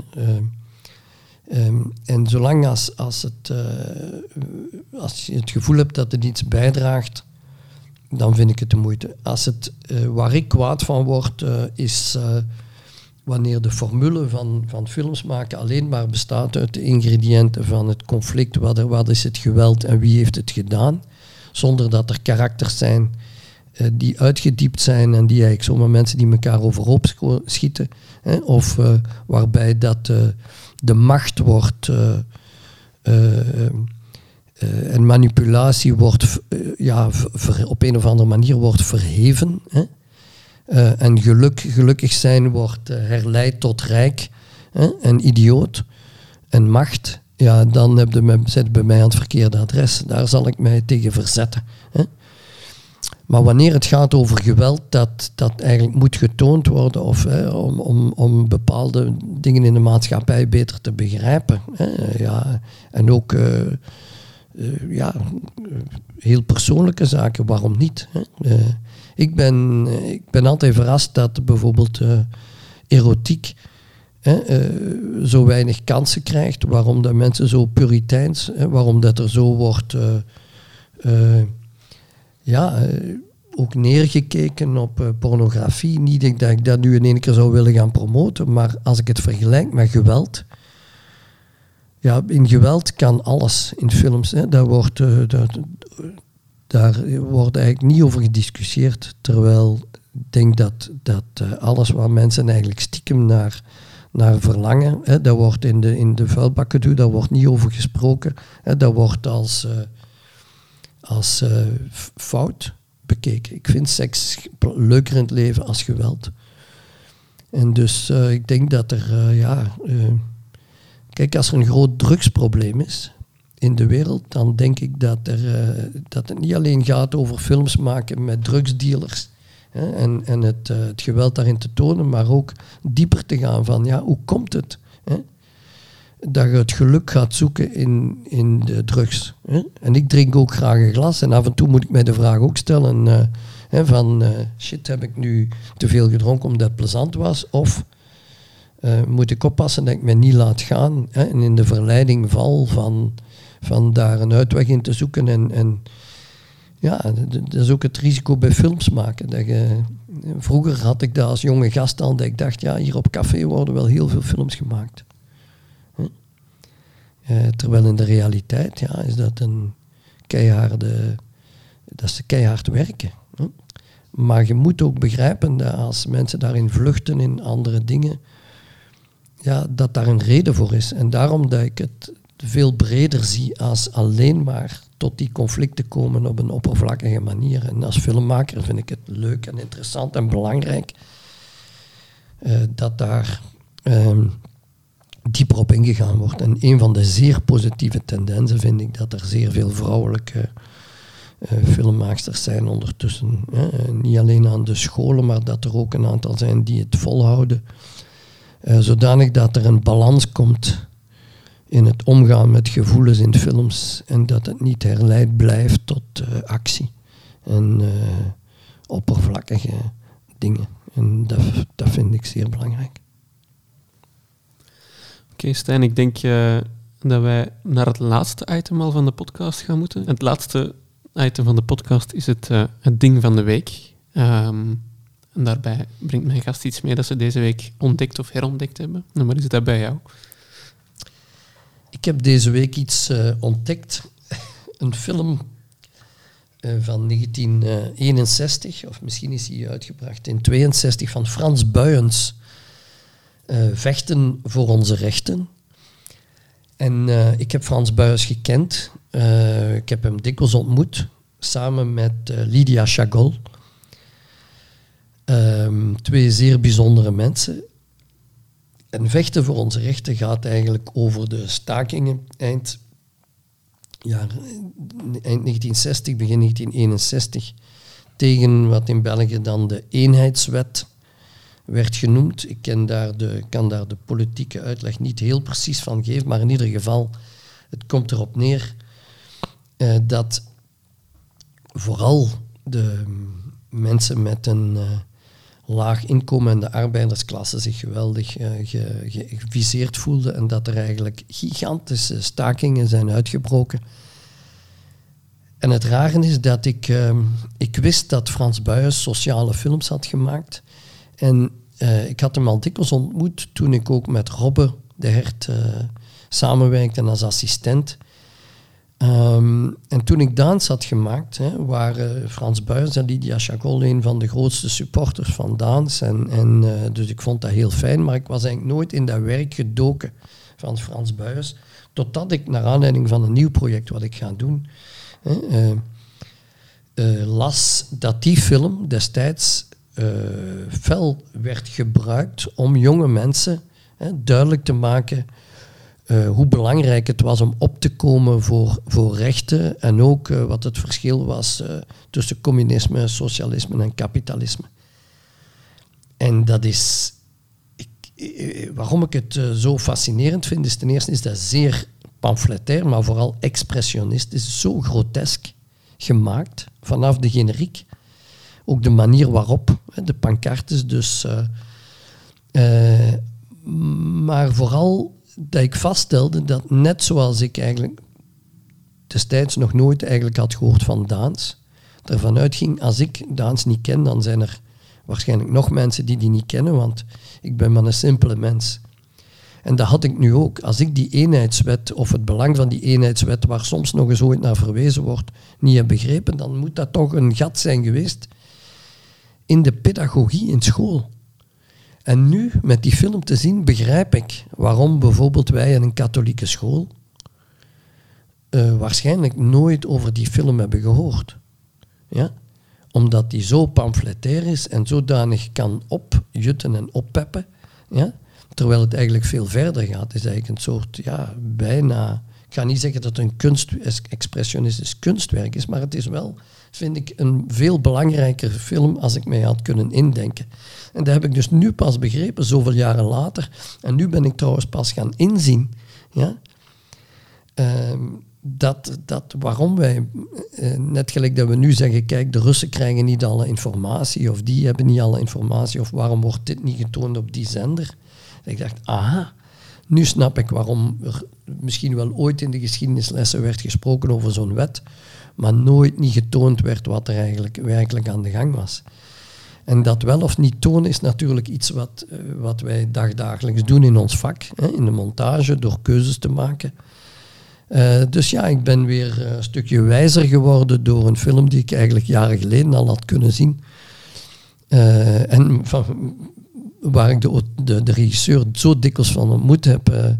En nu pas denk van, shit zeg, ik had toch eens te goed moeten kijken. Amai, die man heeft wel het een en het ander vastgelegd. dus voor mij een ontdekking, ja. Dus vechten voor onze rechten van Frans Buijens bij deze een oproep aan onze luisteraars om daar naar te kijken. Ik heb zelf ook een ding van de weken, zal ik het dan maar noemen. Ik heb de Nederlandse reeks Ramses uit 2014 recent gekeken. En ik vond het heel boeiend, um, omdat er... Het gaat dan over Ramses Shaffi, zijn leven. En het is een, eh, een reeks die heel veel sterke spelscènes heeft. Die, die, je zou dat verhaal van Ramses heel groot kunnen maken, maar het reduceert dat eigenlijk naar scènes die op zich kleine kortfilms kunnen zijn en heel boeiende bogen maken. Ehm, en ik vind het op dat uh, vlak dus absoluut een, een, uh, een aanrader om eens naar te kijken.